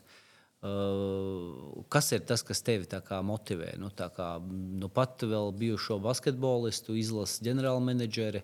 Nu, tā tomēr kā politika vai sajūta par politiku. Kaut kāds darāmo darbu apjoms vai izaicinājums tīri sportiski. Uh, kas nezināmais lauks, kurā, kurā vienkārši interesanti uh, paskatīties. Ja, nu, ambīcijas man nekad nav trūkušas. Un, attiecīgi, tajā laikā es biju bijis Basketbola savienībā. Man gribējās kaut ko vairāk. Tad, kad es pieteicos konkursam uz valsts sekretāra vietnieku, es jau biju pirms tam pieteicies uz konkursu par sporta pārvaldes vadītāju. Apareizi, jā. Pēc foguļa aiziešanas. Jā, jā tā kā, tad bija, man liekas, jā. Jūs esat Zevičs ministrs, attiecīgi tur kaut kāda partija lojāla cilvēka toreiz. Bet, uh, Tas ir hokejs, man liekas. Jā, bet uh, man, jā, man bija ambīcijas, es redzēju, ka nu, es jūtu, ka es varu darīt vairāk, es saprotu vairāk, un es gribēju pārbaudīt, vai es varu darīt vairāk. Jā. Jo es jau nezināju, es, ne, nu, es noteikti to neskatījos kā uz politiku, es vairāk, vairāk skatījos uz sporta dzīvi. Nu. Jautājums, ko tu vari darīt sportā? Nu, Man liekas, ka jāapmēģina. Nu, un pēc tam sajūta, ka izdarīja pietiekami daudz, varēja vairāk. Uh, Ne, nu tā, ne, nu kā, man, piemēram, ja man pajautā piemēram, nezinu, par iepriekšējo saimnes periodu un par uh, konkrēti manas pārstāvētās partijas sniegumu, es saku, cepuri nostrādājām. Jā, diemžēl ar daudz ko samaksājām vēlēšana dienā, bet, ja mēs paskatāmies to padarīto darbu apjomu, man vispār, es ar jebkuru par šo varu padiskutēt tev, ja tu atskaties uz tiem, cik tas nāk? Trīs pusi, četri gadi. Nu, tāds viens, viens olimpiskais cikls, parlamenta, mm. parlamenta posms. Es ātri sapratu, ka tas nav priekš manis. Ah, okay. Pirmkārt, dēļ tās kultūras, es nezinu, kāds tagad mainījies. Produktivitātes, nu, es nespēju strādāt ar tik zemu produktivitāti. Man nu, tā Bet tur tas... nav nekas mainījies. Jā, Diemžēl. nu, tas, Diemžēl. es, es teicu, ka produktīv, produktivitāte 30% kaut kā, nu, tā es pats tā rupi runājot. Ja man, tas, man tas vispār bija nu, tāds šoks, un es vispār no sākuma nevarēju tur, kat, es ieeju katru dienu ministrijā kādam vārdiem, tur dzimšanas, tur kaut kāds būciņas, kafija, viss kaut kas, pa visu kaut ko runā, nu, tikai ne par tikai ne par darbu. Tikai ne par darbu, ja nu, man tas bija ļoti grūti. Tas bija viens, un es ātri sapratu, ka es negribu būt politikā. Nu, man tur kaut kādā laika po- po- posmā tur bija arī kaut kādi divi, trīs tie piedāvājumi. Nu, tur varēja kaut kur tur iet par valsts sekretāru, tur pie politika iesaistīties. Un es sapratu, ka nē, nu, ka tas kaut kā, nu, es nezinu, to var saukt arī par kaut kādiem kompromisiem ar sirdsapziņu tam līdzīgi. Nu, man gribējās tādā produktīvi izdarīt savas lietas, tā ka tu vari redzi, nomēri. Ja, tāpēc es kaut kādā savā mentalitātē tomēr esmu biznesa cilvēks. Kā, nu, Tā kā tu tur runā, runā, runā, un, tev, un nevar izmērīt rezultātu, tas nav priekš manis. Bet ja par to, iz, kas izdevās izdarīt, pirmkārt, e, nu, manā laikā un manā vadībā mēs izstrādājām pirmo tur valsts attīstības sporta programmu. Viņu reāli arī akceptējām. Un man liekas, ka otrā programma nemaz nav.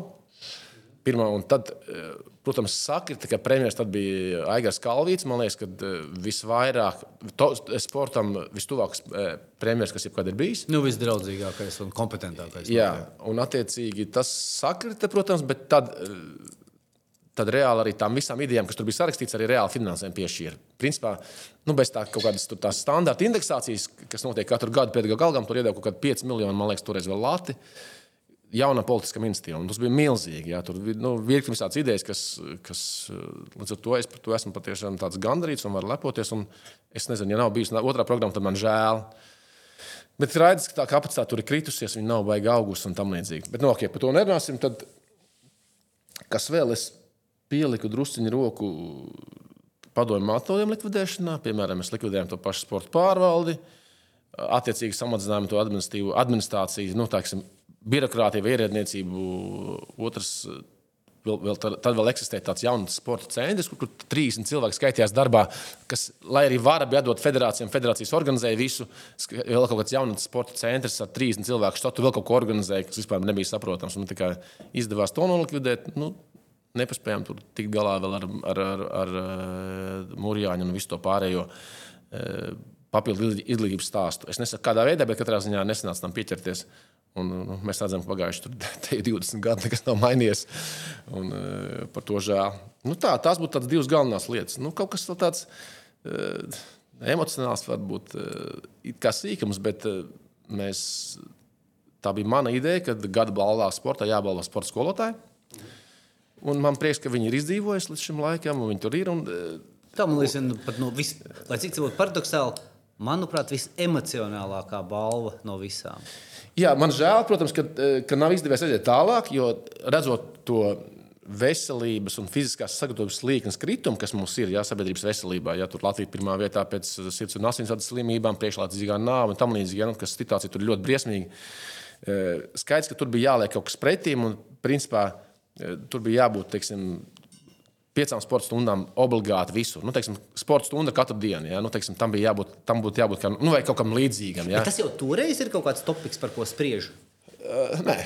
Nu, Eiropas tādā veidā. Es domāju, Latvijā. Latvijā nē, nē, protams, tas bija manā galvā, un es varbūt ar saviem kādiem kolēģiem risināju, bet nu, cilvēki jau dzīvo pārsvarā šodien, gadam. Jā. Viņi jau neredz, pieksim, es jau aizbraucu ar Eiropas kolēģiem, parunāju, jau redzu, Īslandi, ko izdarīja, ko izdarīja Somija, kur viņi bija pirms 20 gadiem. Es jau redzu, Somijā tur bija nu, dizasters pilnīgs. Ja? Un vienkārši viņi caur to sportu un to, ko viņi izdarīja. Tagad mēs visur sakām, nu, ka izglītības modelis, numur viens, sporta modelis, tur numur viens, divi Somijā. Ja? Mācāmies jau basketbola līmenī no Somijas, bet atceros, viņi, viņi sāka ar katastrofālu to veselības stāvokli Somijas sabiedrībā. Nu tā, līdz ar to sporta skolotājs bija viena no tām, lietiņām, kas bija sporta skolotāja prestiža celšana, bija viena no lietām, ko es gribēju iesākt, paralēli citām. Nu, tas mums ir izdzīvojis. Nu, tā. ja mēs runājam par sporta organizāciju vadītājiem ilgākā laika periodā, tur kopš 90. gadiem, tāds puslīdz optimālais piemērs, kur tu redzi, ka ir nu, tā tāds tuvu ideālam. Tātad A izpratne par sportu, kaut kāda aizrautība, ambīcija, B kaut kāda finansiālā iespēja, nesautīgums un tam līdzīgi. Ir kaut kāds viens, uz ko mums vajadzētu tur, tur, tur orientēties. Kā, es sākšu, lai vispār to manas domas kontekstu saprast. Nevies Man kaut, man kaut kādā ziņā vilns baltiņš vienmēr liekas, ja mēs runājam par tādu īsto cilvēku īstā vietā, mega jaudu, mega izpratni, nu, baigu kreativitāti vienlaikus. Jā, nevis tur kaut kādu uh, formālu kabineta tur, tur, tur, tur speciālistu, bet baigo kreativitāti. Nu, viņš, nu, man, ja man saka Latvijas sporta tur funkcionārs, es saku, Vilna Baltiņa neviens pat nav, neviens pat nav pietuvojies. Jā, nu, Vilnis Baltiņš noteikti ir tā kā, top 3, ja ne top 1. Cepurnos Vilnim viņš arī kā zināja, kad paiet malā, viņam tur bija mantinieki. Tā bija tā kā, nu, es domāju, tāda normāla varas pārmantojuma. Un domāju, kā jūs minējāt, tā ir problēma arī, ka tur tā nākšā pauze nespēja. E, sakot, vilni, piemēram, ja, nu, tur pa ilgu maisies, sākam viens otru apkarot. un Es domāju, tas negatīvi atsaucās uz visu sportu. Tā kā, jā, nu, Vilnis ir ļoti labs piemērs. Vēl es tādā, kas federācijā iesaistījās, nu, es vienkārši baidos kādu aizmirst. Ja? Un es arī tā kā, speciāli kā, no Basketbola savienības kā, distancējos, lai nu, neiesaistītu diskusijas. Bet man piemēram, patīk, ka Klaus Vasks iesaisties kamaniņās. Pareizi, jā. Jā, jā, protams. Savulaik Kols, man liekas, tur Jānis. Jānis bija, bija Bobslēns. Nu, man liekas, tie tādi cilvēki, viņiem viss ir labi. Viņiem ir ekstra enerģija, viņi zina, viņi pazīst. Kā, nu, tu saproti, ka viņi, viņi šeit nāk tikai ar vienu domu, nav nekādas trešās viņam domas vai ceturtās. Viņi nāk palīdzēt savam sporta veidam. To ir viegli saprast gan ikdienas sportistam, gan arī cilvēkam politikā. Un, man liekas, tie, nu, līdz ar to es, es saku, ka tādam būtu jābūt arī prezidentam. Loka prezidentam. Jā. Arī prezidentam nebūtu slikti. Arī tādā, nu, tādā, bet nu, šo, šobrīd mums šī, šī kategorijā it kā nav tā, nav tā sliktākā versija. Maigi izskatoties. Sporta ministrs, valsts ministra personā, valsts, valsts ministra veidolā vai kā citā. Tavuprāt, kaut ko risināt? Uh, tad, tad, nu, es jau- vai tā ir laba vai, vai, vai, vai īstenībā viltus ideja? Nu, Un ka vi- problēmas visam citur. Visu izšķir cilvēki. Ja ir Nu, jautājums, bet arī modelis tomēr.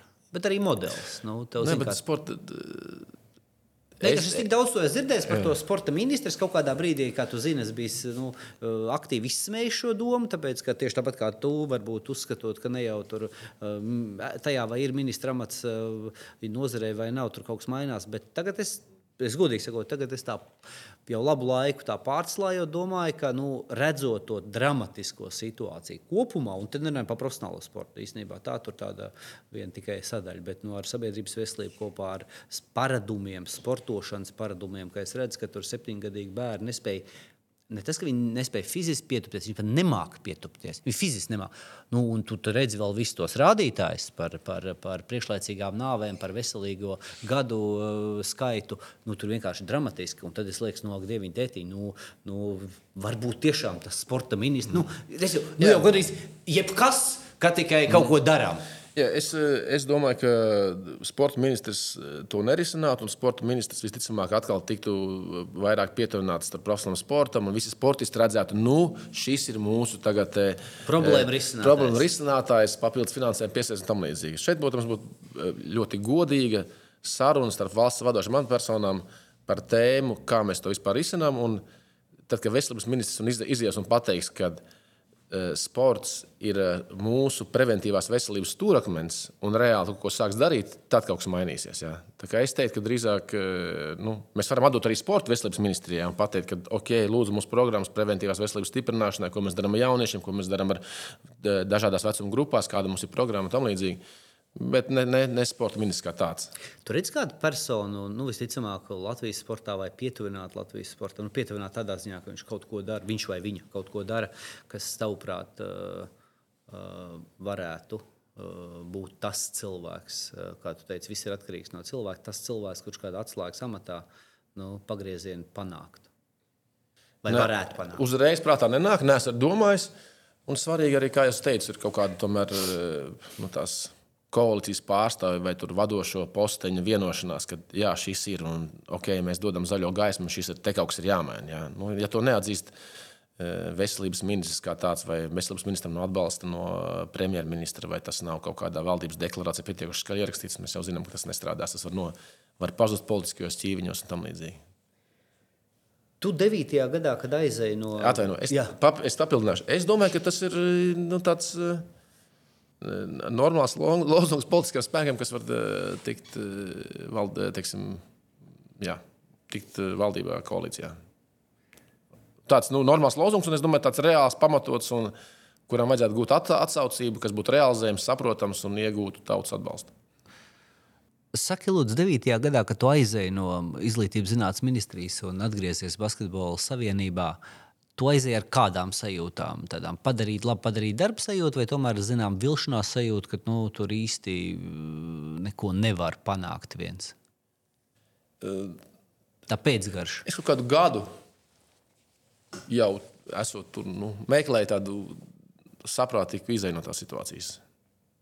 Nu, respektīvi, es biju pēc tam, kad mēs apstiprinājām to e, programmu. Man liekas, ka tur sakrit arī kaut kāda ar to krīzi. Tas, Nu, tieši sakrīt, nu kā 8. un 9. gada krīze. jā, tani- Kalvīts zaudēja arī tā skaitā jā, tā brīdī, kad es sapratu, ka man dienas kārtība sastāv no tā, kur kam nogriezt. Nu jā, protams. Es sapratu, tas nav. Es tam ne, nu, negribu piedalīties. Ja? Tad es vienkārši meklēju izēju. Nu, domāju, kā no tā iziet vairāk. Tur, un... Līdz ar to, kāda man bija sajūta, nu, man bija prieks par to, ko mēs izdarījām un iesākām, bet es saku, tajā brīdī tā noskaņa bija eh, ļoti bēdīga. Un kāpēc tev to brīdi Basketbola savienība interesē, bet nezinu, tur nevis tur 100% apmērā tur biznesa vai kas?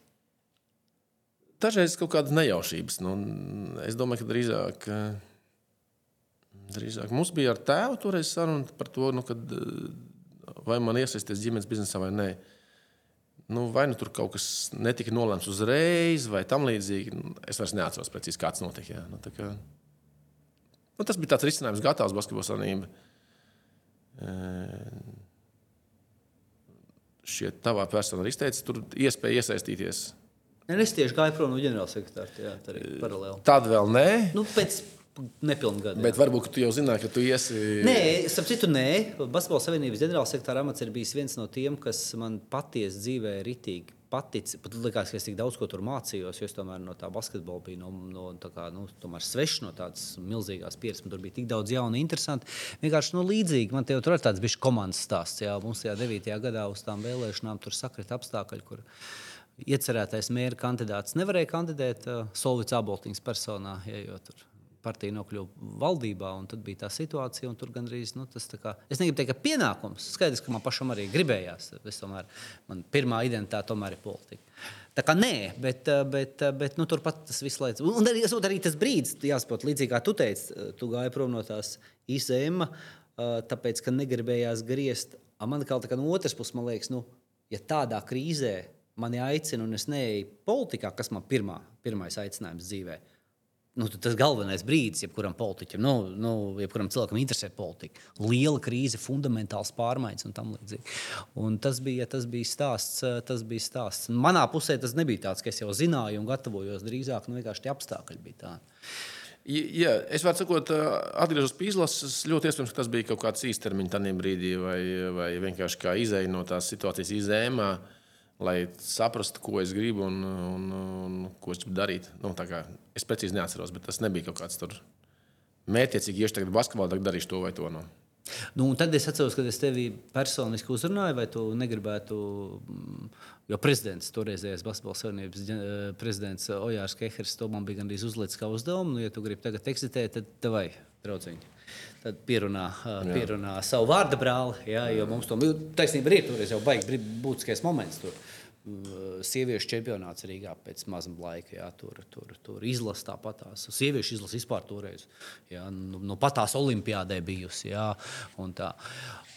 Es atceros, man nemaz tik viegli nenācās tevi pierunāt. Es atceros vienkārši tās sarunas. Nu, Jā, tāpēc, ka es, kā jau teicu, es nerāvos, un es drīzāk, nu, varbūt neskatījos kā uz pagaidu pozīciju, bet nu, nezināju sev vispār, priekš sevis nebija nodefinējis, ko es gribu. Un, un tad man uzreiz tā, un ģenerālsekretārs, es tik, tikko atnācu šeit. Un, tā, nu, Nu, labi, bet nu, pēc tam 11 gadi. Turpat Nu, es jau tāds, uh, nu, nu, kā, tas bija ļoti smags laiks. Tādā ziņā es iegāju, nu, teiksim, nu, tā bija, tad bija krīze finansiālā. Mm, Mums bija liela mīnus, un tad jau nu, tā kā es iegāju tādā nu, zemā, uh, tādā, varbūt no basketbola viedokļa izskatījās, uh, nu, kā tikko no Olimpijas, un tur bija baigais hype, bet uh, nu, organizatora tādā ziņā finansiāli jau tas punkts bija ļoti zems. Un pēc tam Tā kā tu esi izdarījis kaut ko un esi izkarpījies, ja, nu, es atceros, ka mēs pēdējo. Es, tas bija man jāpastāv, tas, tas, tas bija leģendārs. Es, saku, ja, nu, es nevaru, neredzu, kā mēs te varam šo gadu pabeigt. Es saku, mums ir, nu, ko darām? Es saku, nu, tagad būs tas Eiropas čempions. Mums vienkārši tā jāblato, ir jāņem tā čempiona kārts, jāņem rokā. Un, nu, jāprasa naudu FIBA. Es, es arī nezināju, vai FIBA dod naudu. Tagad es zinu, ka FIBA tā kā tā naudu nedod. Ja. Es teicu, jāprasa FIBA naudu. Viņš teica, nu, kā tur redzēs, es saku, nu, ko nu, saucam to ģenerālsektoru Zanolīnu. Tad bija ģenerālsektoru, nu, prasām vienkārši. Nu, viņš teica, nu, cik prasīt? Es saku, nu, tu Nu, mums vajag 300, lai nodzīvotu gadu. zini, kā. Šis tur traks. zini, kā. Tad mēs iesācām nu, to zanelīnu, tur tā stāstam un tā. Un tur mums, tur, mums tāds pasākums, bet tur valstī notiek tas un tas, un mums paralēli programmas, un nevaram jauniešu sūtīt un tā. Un tā. Un beigās saka, nu, viņš saka, nu labi, es jau palīdzēšu, ko tad jums vajag. Un es to pēdējo slaidu liku, to 300 tūkstoši, viņš tā apstulbst. Viņš saka, ojāra, ojāra, vai šeit drīkst pīpēt? es iedomājos, es domāju, ko Jārs teiks, ka nē. Viņš teica, nu, ej, bet tu pie loga, zināmā mērā, cik tas Zanelīns aizgāja pie loga, pīpēja, kad divas cigaretes nopīpēja, tad izņēma telefonu, zvanīja savam finanšu direktoram. Un tad, jā, tad Vārts Kristīnai viņa iedeva, iedeva 100 tūkstošu eiro palīdzību vienreiz un 200 tūkstošu aizdeva. Nu, tā, bet tas stāsta par to, ka, oh, jā, no šeit drīkst pīpēt. Tas, tāds, Nu, tad jau vienkārši jā, nu, kad tu esi kaut kā tādā krīzē ticis pār, te jau gribētu, tu redzi, ko tu gribi izdarīt. Tad jau es vienkārši biju iekšā līdz uh, ausīm tajos uh, visos notikumos, dzīvoju tur no rīta līdz vakaram. Nu, un, uh, skaidrs, ka tu... un, un, jā, un tad attiecīgi tur viens mērķis pēc otra, jā, un viens pēc otra. Un, nu, nu, jā, tā kā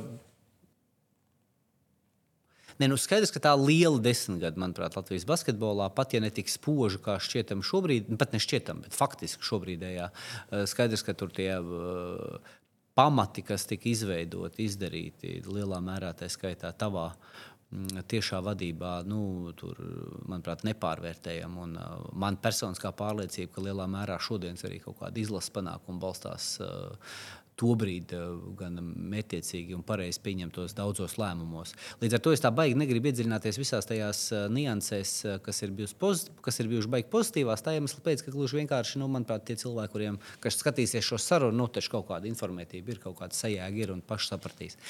Bet, ja es tev jautātu, nu, tādi, tādas, tādas kļūdas šajā posmā, nu, lielā mērā tavas vai, vai, vai kopējās? Uh, uh, ko, ko jau gadus? Nu, jā, desmit gadus. Nu, tā tā ģenerālsekretāra posma, kur mēs savā ziņā nu, kopīgi arī strādājām. Es lielu daļu valdē, tu ģenerālsekretārs. Tavuprāt, kas, gal, tavuprāt, kas bija galvenās mūsu, sauksim to tā, uh, kļūdas? Pēc tam vai nu nepareizi pieņemt lēmumu, vai nepieņemt lēmumu, neizdarīts lietas, kur nobijāmies. Bet nevis ko nevarējām, bet kur nobijāmies, kur nepietika vai, vai nesaņēmāmies. Ehm, nu, pirmkārt, tā, tas fenomens arī lielajā sportā, basketbolā, arī hokeja, futbolā ir nu, neatkarīgi no kā tur federācijā strādā, ko tu izdari. Nu, lielākā daļa sabiedrības spiež pēc eh, izlases rezultātiem un pārsvarā pēc vīriešu izlases rezultātiem. Līdz ar to nu, tas tā kā. Es teiktu, tāpēc arī Hokeja federācija ilgi bija uh, topā, jo, nu, lai tur viņam kā gāja, bet uh, izlase vienmēr sagādāja to sportisko pavasaru un viss bija laimīgi. Bet eh, gāja viņam grūti. Eh, un, eh, nu jā, un es domāju, ka tas daudzus gadus tas pietrūka nu, līdz kaut kādam 17 gadam mums basketbolā. Mm, nu, par tiem, nu, attiecīgi, tad par tiem kaut kādiem lēmumiem zemāk jau nav, nav baigās jēgas runāt, jo nu, cilvēki tik un tā, viņam ir izlase, kas tur notika, kas nenotika. Nu, tad, tad pirmais ir deviņa kāda diskvalkācijas. Tas nu, joprojām daudz uzskata, ka tur kaut kas tur nebija pareizi. Nespēlēja tur kaut kādi. Nu. Es arī šodien ar milzīgu pārliecību saku, ka tas ir viens no labākajiem lēmumiem. Tas, es domāju, ka tādā vērtību izpratnē izmainīja to, nu, kas ir, Latvijas, kas ir basketbols Latvijā. Un es domāju, arī tas ir savā ziņā fundaments tiem panākumiem, kas ir tagad. Bet nu, to var joprojām daudz var eh, vērtēt kā tādu pretrunīgu lēmumu. Nu, nu kas vēl? Nu, droši vien, ka tava tēma, un tas daudziem ir interesanti, nu, kad nu, īpaši jau netikšanas Eiropas čempionātā, kad Roberts bija galvenais izlases treneris. Eh, treneris ārzemnieks. Ik sevišķi šobrīd skatoties to, ka, nu, ka banka kāda taisa to teiksim, furoru un ir patiesi role modelis un, un tiešām pacēlis basketbolu. Nu, ar, ar, ar, teiksim, droši vien, ja mēs varētu bankai ātrāk ielikt izlasē, nu, kā vadīt mūsu izlasi, jo, jo spēlētāji jau tur bija. Nu, droši vien, tas būtu prātīgāk darīt. E, bet mēs jau dzīvojam arī kaut kādās pieredzēs, e, kas ir e, tas pats, kas Tutskim Zūra, kas mums bija vai Frāde kas mums bija Traikovičs, mums bija sātrākam. Ah, nu jā. Traikovičs, Jā, jā, jā, kas bija relatīvi nesen. Jā, nu, viņš jā. jau arī Traikovičs jau nāca Bija kopā. nosacināms nospiedums. Jā. Jā, viņš jau nāca kopā ar biedriņu, gan izvēlējās komplektā. Nu, likās, ka, mēs, ka, nu, ka te būs, ka būs treneris, kuram mūsu superzvaigzne uzticība. Tas tāds. E, šobrīd varētu teikt, ka mēs varam rīkoties drosmīgāk, bet e, tādā brīdī jau mēs, do- nu, tas, tas vienlaicīgi mēs arī baidījāmies par, tu, par, par kaut kādiem riskiem. Jā, un, Nu, labi, bet, piedod, ja, ja banki varētu ielikt, set, e, Protams, tad protams bet, skaidrs, nu, viennozīmīgi. Jā. Bet, nu, labi, bet, nu, labi, bet par Robertu vēl es piekrītu. Tas tomēr bija tāds lēmums, eh, tomēr viens um, liels Latvijas treneris, un tobrīd likās varbūt pat um, pareizi. Bet, nu, Arnis Vecvagars nu, no kategorijas uh, droši vai drosmīgi, drīzāk ir kategorijā drosmīgi. Jautājums, cik uh, pamatoti un cik uh, atbildīgi. Nu, labi, nelietošu vārdu atbildīgi, cik pamatoti. Nu, atkal mēs jau varam šobrīd spriest, kā būtu, ja būtu kāds cits. Bet, eh, nu, tā, kad Arnēs beidza savu kvalitātes ciklu, viņš bija vistuvāk pasaules čempionātam, nekā mēs jebkad bijām bijuši. Eh, Un eh, viens precīzs metiens, un viņš varbūt vēl tagad var trenēt kaut kādu vadošu Eiropas klubu. Ja jau skaidrs, ka Latvijas eh, basketbola izlase ir lieliska, nu, teiksim, lielisks produkts, kā kā sevi reprezentēt. Un tā, Latvijas treneriem jau ir ļoti maz iespējas sev vispār kaut kur. eh, Nu, ja tu neesi Latvijas izlasē, nu, kur tu vari klubu līmenī, tur ir viens VFs, kas kaut kur startē. Līdz ar to es tā, teiksim, mana filozofija vienmēr bijusi, ka jādod latviešiem iespējas. Eh, Un vai tu te, vai, vai, eh, ja tu man jautā, ok, Arnis, nu, tā kā maza līmeņa, bet tajā brīdī vienkārši viņam jau nebija panākumu, varbūt salīdzinot, ar Robertu, ja viņš bija asistents, vēlāk sācis karjeru, bet es nedomāju, ka viņš eh, būtu bijis sliktāks treneris. Nu, viņš nebija Luka Banki. Nu. Bet, eh, nu, vai tā bija kļūda? Nu, šodien var teikt, ka kļūda, ja mēs pieņemam, ka eh, mums būtu banki. Bet vai būtu, tad, eh, ja tu saki, ka Roberts ir augstāks, eh, lielāks uzvārds, vai ja Roberts būtu bijis treneris, mums būtu bijis labāk? Nu, tā kā, nu, es to nesaku par kļūdu. sāpīgākais tāds, uh, zaudējums uz laukuma tavā funkcionāra karjerā? Uh, tā, tā izšķirošā spēle par neiekļūšanu pasaules kausā vai, vai Slovenija uh, piec, uh, 17. gadā? Nē, nē, nu viennozīm, tad, nu, viennozīmīgi Montenegro, eh, neiekļūšana pasaules kausā. Jo nu, tās gaidas jau bija milzīgas. Nu, mēs jau uz to pasaules kausu vienkārši. Nu, man galvā bija mārketinga plāns, kā mēs rīkosimies, ko mēs darīsim, kā mēs mainīsim zīmolu, mēs tiksim pasaules kausā un tam līdzīgi. Tā, kā, nu, eh, nu, tā bija milzīga vilšanās, tāda emocionālā vispār. Likās, nu, kad, nu, ka mēs likās, ka mēs to varam ka mēs to izdarīsim. Jā, tagad tur nevar salīdzināt ar Sloveniju vispār. Nu. Slovenija jau tik un tā palika labi pēcgarša. Un lielākās uzvaras tavā funkcionāra karjerā uz laukuma? Varbūt savādāk. Nozīmīgākā uzvara, kur varbūt pat nav tik liela posma un kaut kāda tur ažiotāža, bet ko tu ar savu izpratni, sapratni, pieredzi, profesionālitāti saproti, ka tas īstenībā fundamentāli nozīmīgi. Nu, atkal mums jau ierīnas līdzekļiem gribās domāt par izlasi. Jā, Nē, nu skaidrs, jā, jā. Bet mums bija ļoti daudz lielas uzvaras. tāpēc es pārformulēju. Jā. Tāda nozīmīga. Tāda, ko tu zini, ka tas ir. Es nevaru īsā laikā izskatīt cauri visam tam, ko izla- izdarīja izlase tajā laikā. Vīrieši un sievieši.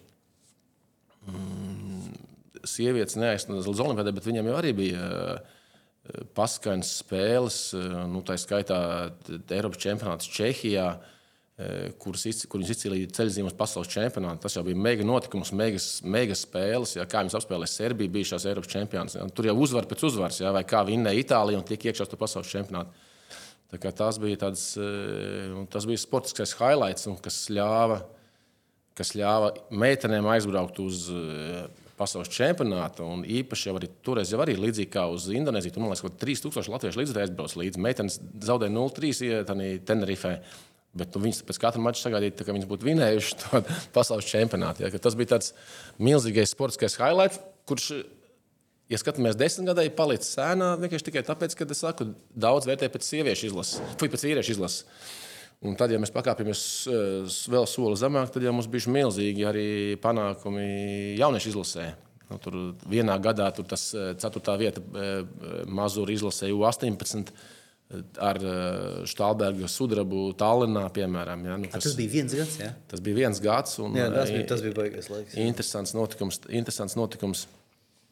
Interesants uh, fakts bija, ka uh, pirms braukšanas uz Eiropas čempionātu tās izlases savā starpā spēlēja. Un pašā mača galotnē U20 uh, tur laimīgā kārtā vinnēja. Nu, maču, ko viņi gandrīz bija zaudējuši.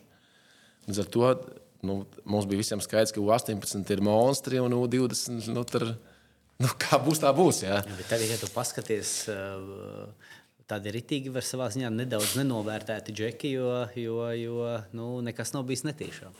Jā. Protams, ka U20 izlase nepulcē labākos spēlētājus, un tas ir norma. Ja, un, attiecīgi, līdz ar to tas vienmēr ir tā, ka tu nekad īsti nevari zināt, kāds būs tas rezultāts U20 vecumā. Bet nu, fakts tāds bija. Bet, tu jau zini, mēs to laiku esam mērķiecīgi strādājuši, lai tās labākās izlases var spēlēt savā mājās. Nu, teiksim, tas pats Žagara izlases sudrabs, kas bija savā mājās. Jā, Nu, vispār sākās 2010. gadā mēs ar, ar, ar pirmo bronzas meitenēm, kur eh, Liepājā Aneča Stēberga spēlēja izlasē. Ieva tagad pulveri tā izlasē spēlē. Tur jau labā ir bijis daudz, un, un tur jau es domāju, arī kaut kādas pa, pa kriptiņa ieliktas izlašu panākumu fundamentos no tām jauniešu izlašu panākumiem, kas notikuši Latvijā.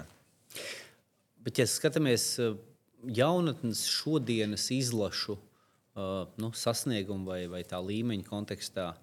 Neuznāk kaut kādas bažas dažkārt, ka ar to Latvijas basketbolu nākotni, tad pēc desmit gadiem, nu, teiksim, tā, ir kaut kādi riski. Ir. Pārvarami. Nu, tādus talantus mēs piedzemdēt nevaram. Nu, labi, bet mēs nekad neesam mēs, varējuši. Viņi test, tikai piedzimuši. Jā, viņi var jā, tikai, vai, vai uztrenēt. Viņi var tikai piedzimt. Tas, ko var darīt organizācija, ir panākt to, lai tas vidējais līmenis būtu augstāks. Jo mēs nu, šobrīd... Nu, tas ļoti svarīgi. Man tas ir izšķiroši svarīgi. Jā, tas gan eh, tādiem ilgtermiņa panākumiem, gan arī, gan arī nu, pie esošās sacensību sistēmas arī lielā izlasē. Nu, kad jāspēlē dažreiz otrās izlases, varbūt tu vakar redzēji, vakar Bulgārija vinnēja arī vāciešu pasaules čempions. Tā kā, tas ir vidējais līmenis, un tas, tas, kas ir mūsu pašu rokās. Nu, tādas basketbola sabiedrības, gan LBS, gan, visu, gan vispārējo. Jo es domāju, ka ja mēs Lietuvas pirmo izlasi vinnējam tagad, tad ar otru izlasi mums būtu, ja sacenstos otrās izlases, mums būtu grūti, bet ja sacenstos trešās vai ceturtās, mēs dabūtu bez variantiem iekšā. Un tas parāda nu, to dziļumu, varbūt. Ja? Un tas arī parāda virzienu, kurā mēs varam progresēt. Tas ir mūsu pašu rokās. Nu, nebūs talanta, nebūs, eh, varbūt, nebūs spēlētāji NBA. Nebūs varbūt spoži panākumi, bet tādā līmenī nu, būt Eiropas čempionātā, regulāri piedalīties, spēlēt labi ar labākajām pasaules komandām.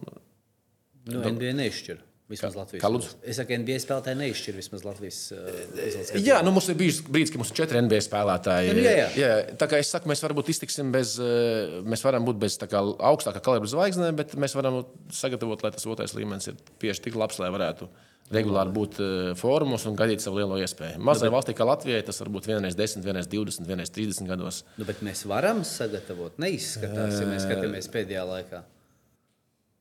Nu, es vienkārši, teiksim tā, kaut vai jaunatnes izlašu rezultāts.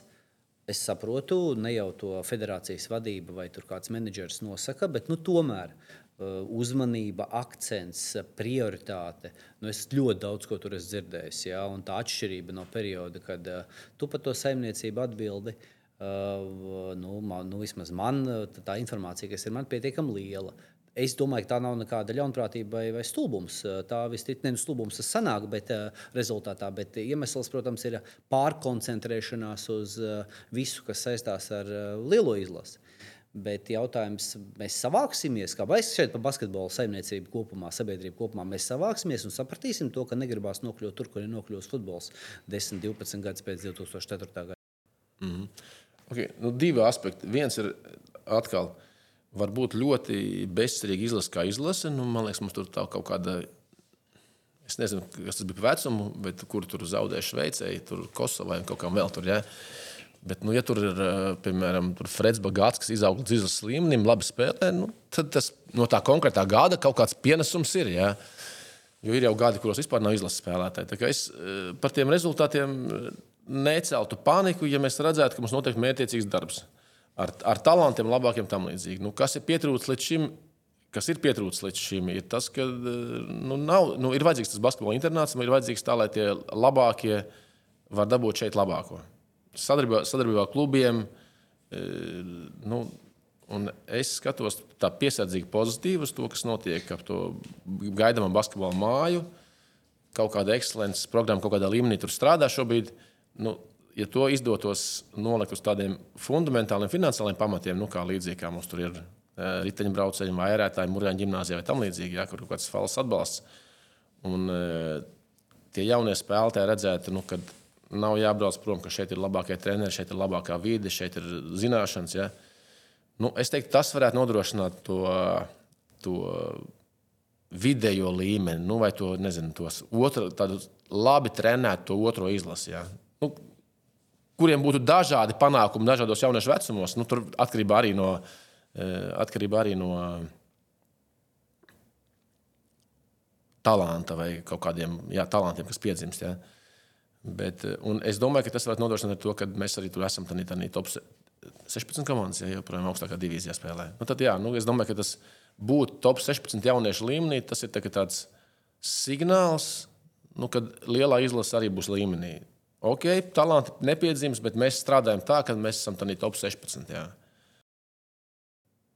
Bet tad um, tu, vis, tu ļoti, manuprāt, precīzi raksturoji, ar, nu, arī līdzīgi kā man liekas, kas būtu nepieciešams, bet sajūta līmenī kā ar to virzību tādā virzienā. Šobrīd tādā, tādā, nu, tur jau visam, tu jau pats zini, nu, tur jau visādi faktiski lēmumi. Arī tas, vai, cik šī tēma ir augstā prioritātē vienam vai otram par jomu atbildīgajiem, izpratne, cik viņam pašam interesē. Nu, tas viss jau sastāv no kaut kādām tūkstošiem detaļām. Tavuprāt, teiksim, tā, trivializējot jautājumu, nu, drīzāk būs viss labi, vai, vai, vai, vai, vai, vai tev, kā uh, arī sporta skolas, nu jau uh, privātās vadītājiem, uh, drīzāk bažas? Es domāju, ka to viss būs labi. Tas viss notiek ļoti lēni. Nu, atceries, tad mēs. Es to basketbola ekscelences programmu, kas šobrīd kaut kādā līmenī strādā, kaut kāda bērna trenējas nu, viņi ir saistīti ar bāzi. Nu, mēs par bāzi sākām runāt 2015. gadā. Nu, tā reāli pirmie soļi, kad mums no Eiropas čempionāta kaut kāda nauda palika pāri, mēs viņu nu, kā, nenotrālinājām. Nenotrālinājām, jā. Nu, lūk, nu, mēs esam 24. gadā, tad 9 gadi. Nu, viņš tā kā drīz tā bāze būs vaļā. Nu, mums tur būs patiesības mirklis tuvāko eh, gada pusotra laikā. Nu, Vai mēs esam eh, spējuši panākt to vai nē? Nu, tā basketbola sabiedrība, tie cilvēki, kas aktīvi vada basketbolu dzīvi. Nu, es esmu piesardzīgi uh, optimistisks, bet mēs varam pie šīs pēc diviem gadiem atgriezties. atgriezties. Bet es domāju, ja tas notiks, tā būs tāda fundamentāla lieta, kas liks pārskatīt daudziem arī probraukšanas jautājumus un, eh, un, un arī nu, teiksim, ievērojami uzlabos to nu, teiksim, tuvāko izlases kandidātu sagatavošanu tam līdzīgi. Saki, lūdzu, vēl bez šī uh, fundamentāli svarīgā jautājuma, ja tev būtu jānosauc vēl kāds viens, divi uh, tādas lietas, kuras tavuprāt, ir jāpaveic tuvāko divu gadu laikā? Nu, divu nosacīti, jā, bet. Jāpaveic kam? Nē, nu, Basketbola savienībai, nu, dzīves organizatoriem, mm. jomā. Vai jāpanāk, ka kāds paveic, nu, ja, ja izlabē valdības līmenī, vienalga. Es nezinu, vai tas ir, es nezinu, vai tas ir Basketbola savienības kompetence. Bet, nu, arī tu jau pieskaries, es tagad privātā basketbola kluba izveidotājs, nu, sporta skolas sistēma sevi ir pārdzīvojusi. Tas ir padomju mantojums. Divas valsts, man liekas, pie tā tikai turās Latvija un Lietuva. Un, protams, No, tas, no, otrkārt, tas, bet... es, es tā nedomāju, bet nu, otrkārt, savā ziņā mums pat apbrīno. Ja divas mazas valsts tādā, tādā sporta veidā kā basketbols ar konkurenci tālu esam tikuši. Jā, bet, nu, piemēram, mēs esam situācijā, ka mēs jau braucam mācīties no tā, kā strādā Somijā. Nē, nē, es neaizstāvu to domu, es drīzāk paironizēju. Jā, jā. Nu, mums, mums drīzāk ir jā... izņēmums, sauksim to par izņēmumu.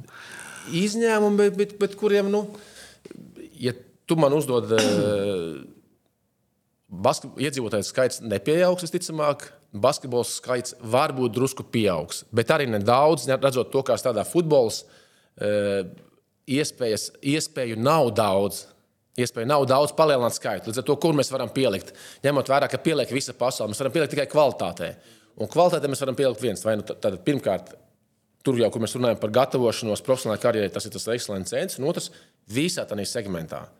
Un sporta skolas šobrīd jau turās uz to, nu, cik kurš treneris grib. Nu, ja mums ir 200 pārtreneri, mums ir ļoti daudz treneru, kas ir motivēti, grib strādāt. Bet, ja treneris negrib vai nevar, mums nav instrumenti, kā mēs varam ietekmēt. Ja, līdz ar to es teiktu, tur, nu, es, labi, es atteikšos izturēt, izteikt minējumu, cik ir maz produktīva darba. Bet, bet nu, mums jāvirzās uz to, ka mēs atbalstam privātās iniciatīvas. Tā ir tāda fundamentāla lieta vienkārši. Nu. Nu, tur es tev pilnīgi piekrītu. Tad pirmais, precīzāk sakot, otrais - sporta skolu sistēma un vēl viena lieta, ja, ja trīs būtu jānosauc. Nu, Ekscelences centrs, tā savienības līmenī tur tā, tas internāts. Uh, sporta skolas sistēmas pārbūve pēc būtības, atbalstot privātu Trešā, kurā mēs pieskarāmies, ir sporta loma un nozīme sabiedrībā kopumā. Bet ar fokusu uz veselību, nevis profesionālu sportu. Tas ir savstarpēji saistīts. Nu, tomēr.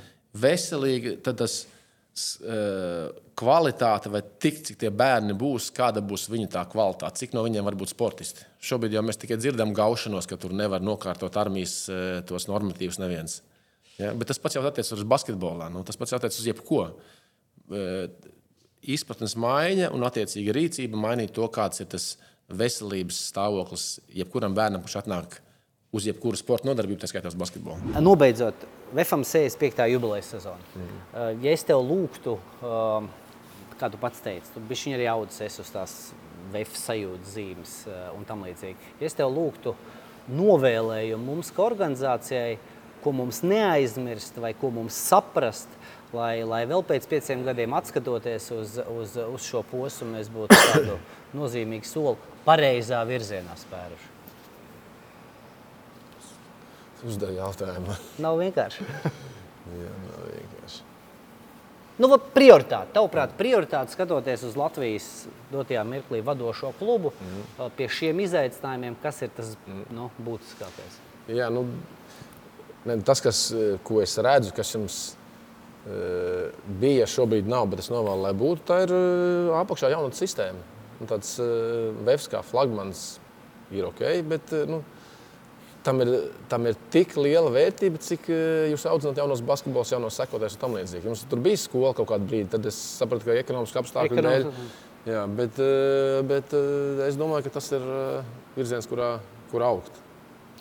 Pavisam viens mazs jautājums. Tu pirms sekundes teici, ja drīkst to logotipu. Ja? Jā. Tu teici, ka zaļa jums tā, tas, jā. tas, kāpēc logotipā zils? Jā, tad, tad viņa, sa, viņa saucās zaļā vārna. Ah, okay, viņa saucās zaļā vārna, bet viņa ir zils zaļa. Tie, kas nav, ir redzējuši, viņi tie domājuši, ka no zoodās izmantots papagailis. Okay. Gan krāsu, gan izmēru dēļ. Jā. Es viņu neesmu dzīvē redzējis, tikai bildēs. Jā, bet noteikti jā, ir vērts iegūglēt, kas tā ir. Okay. Paldies, Edgars. Okay.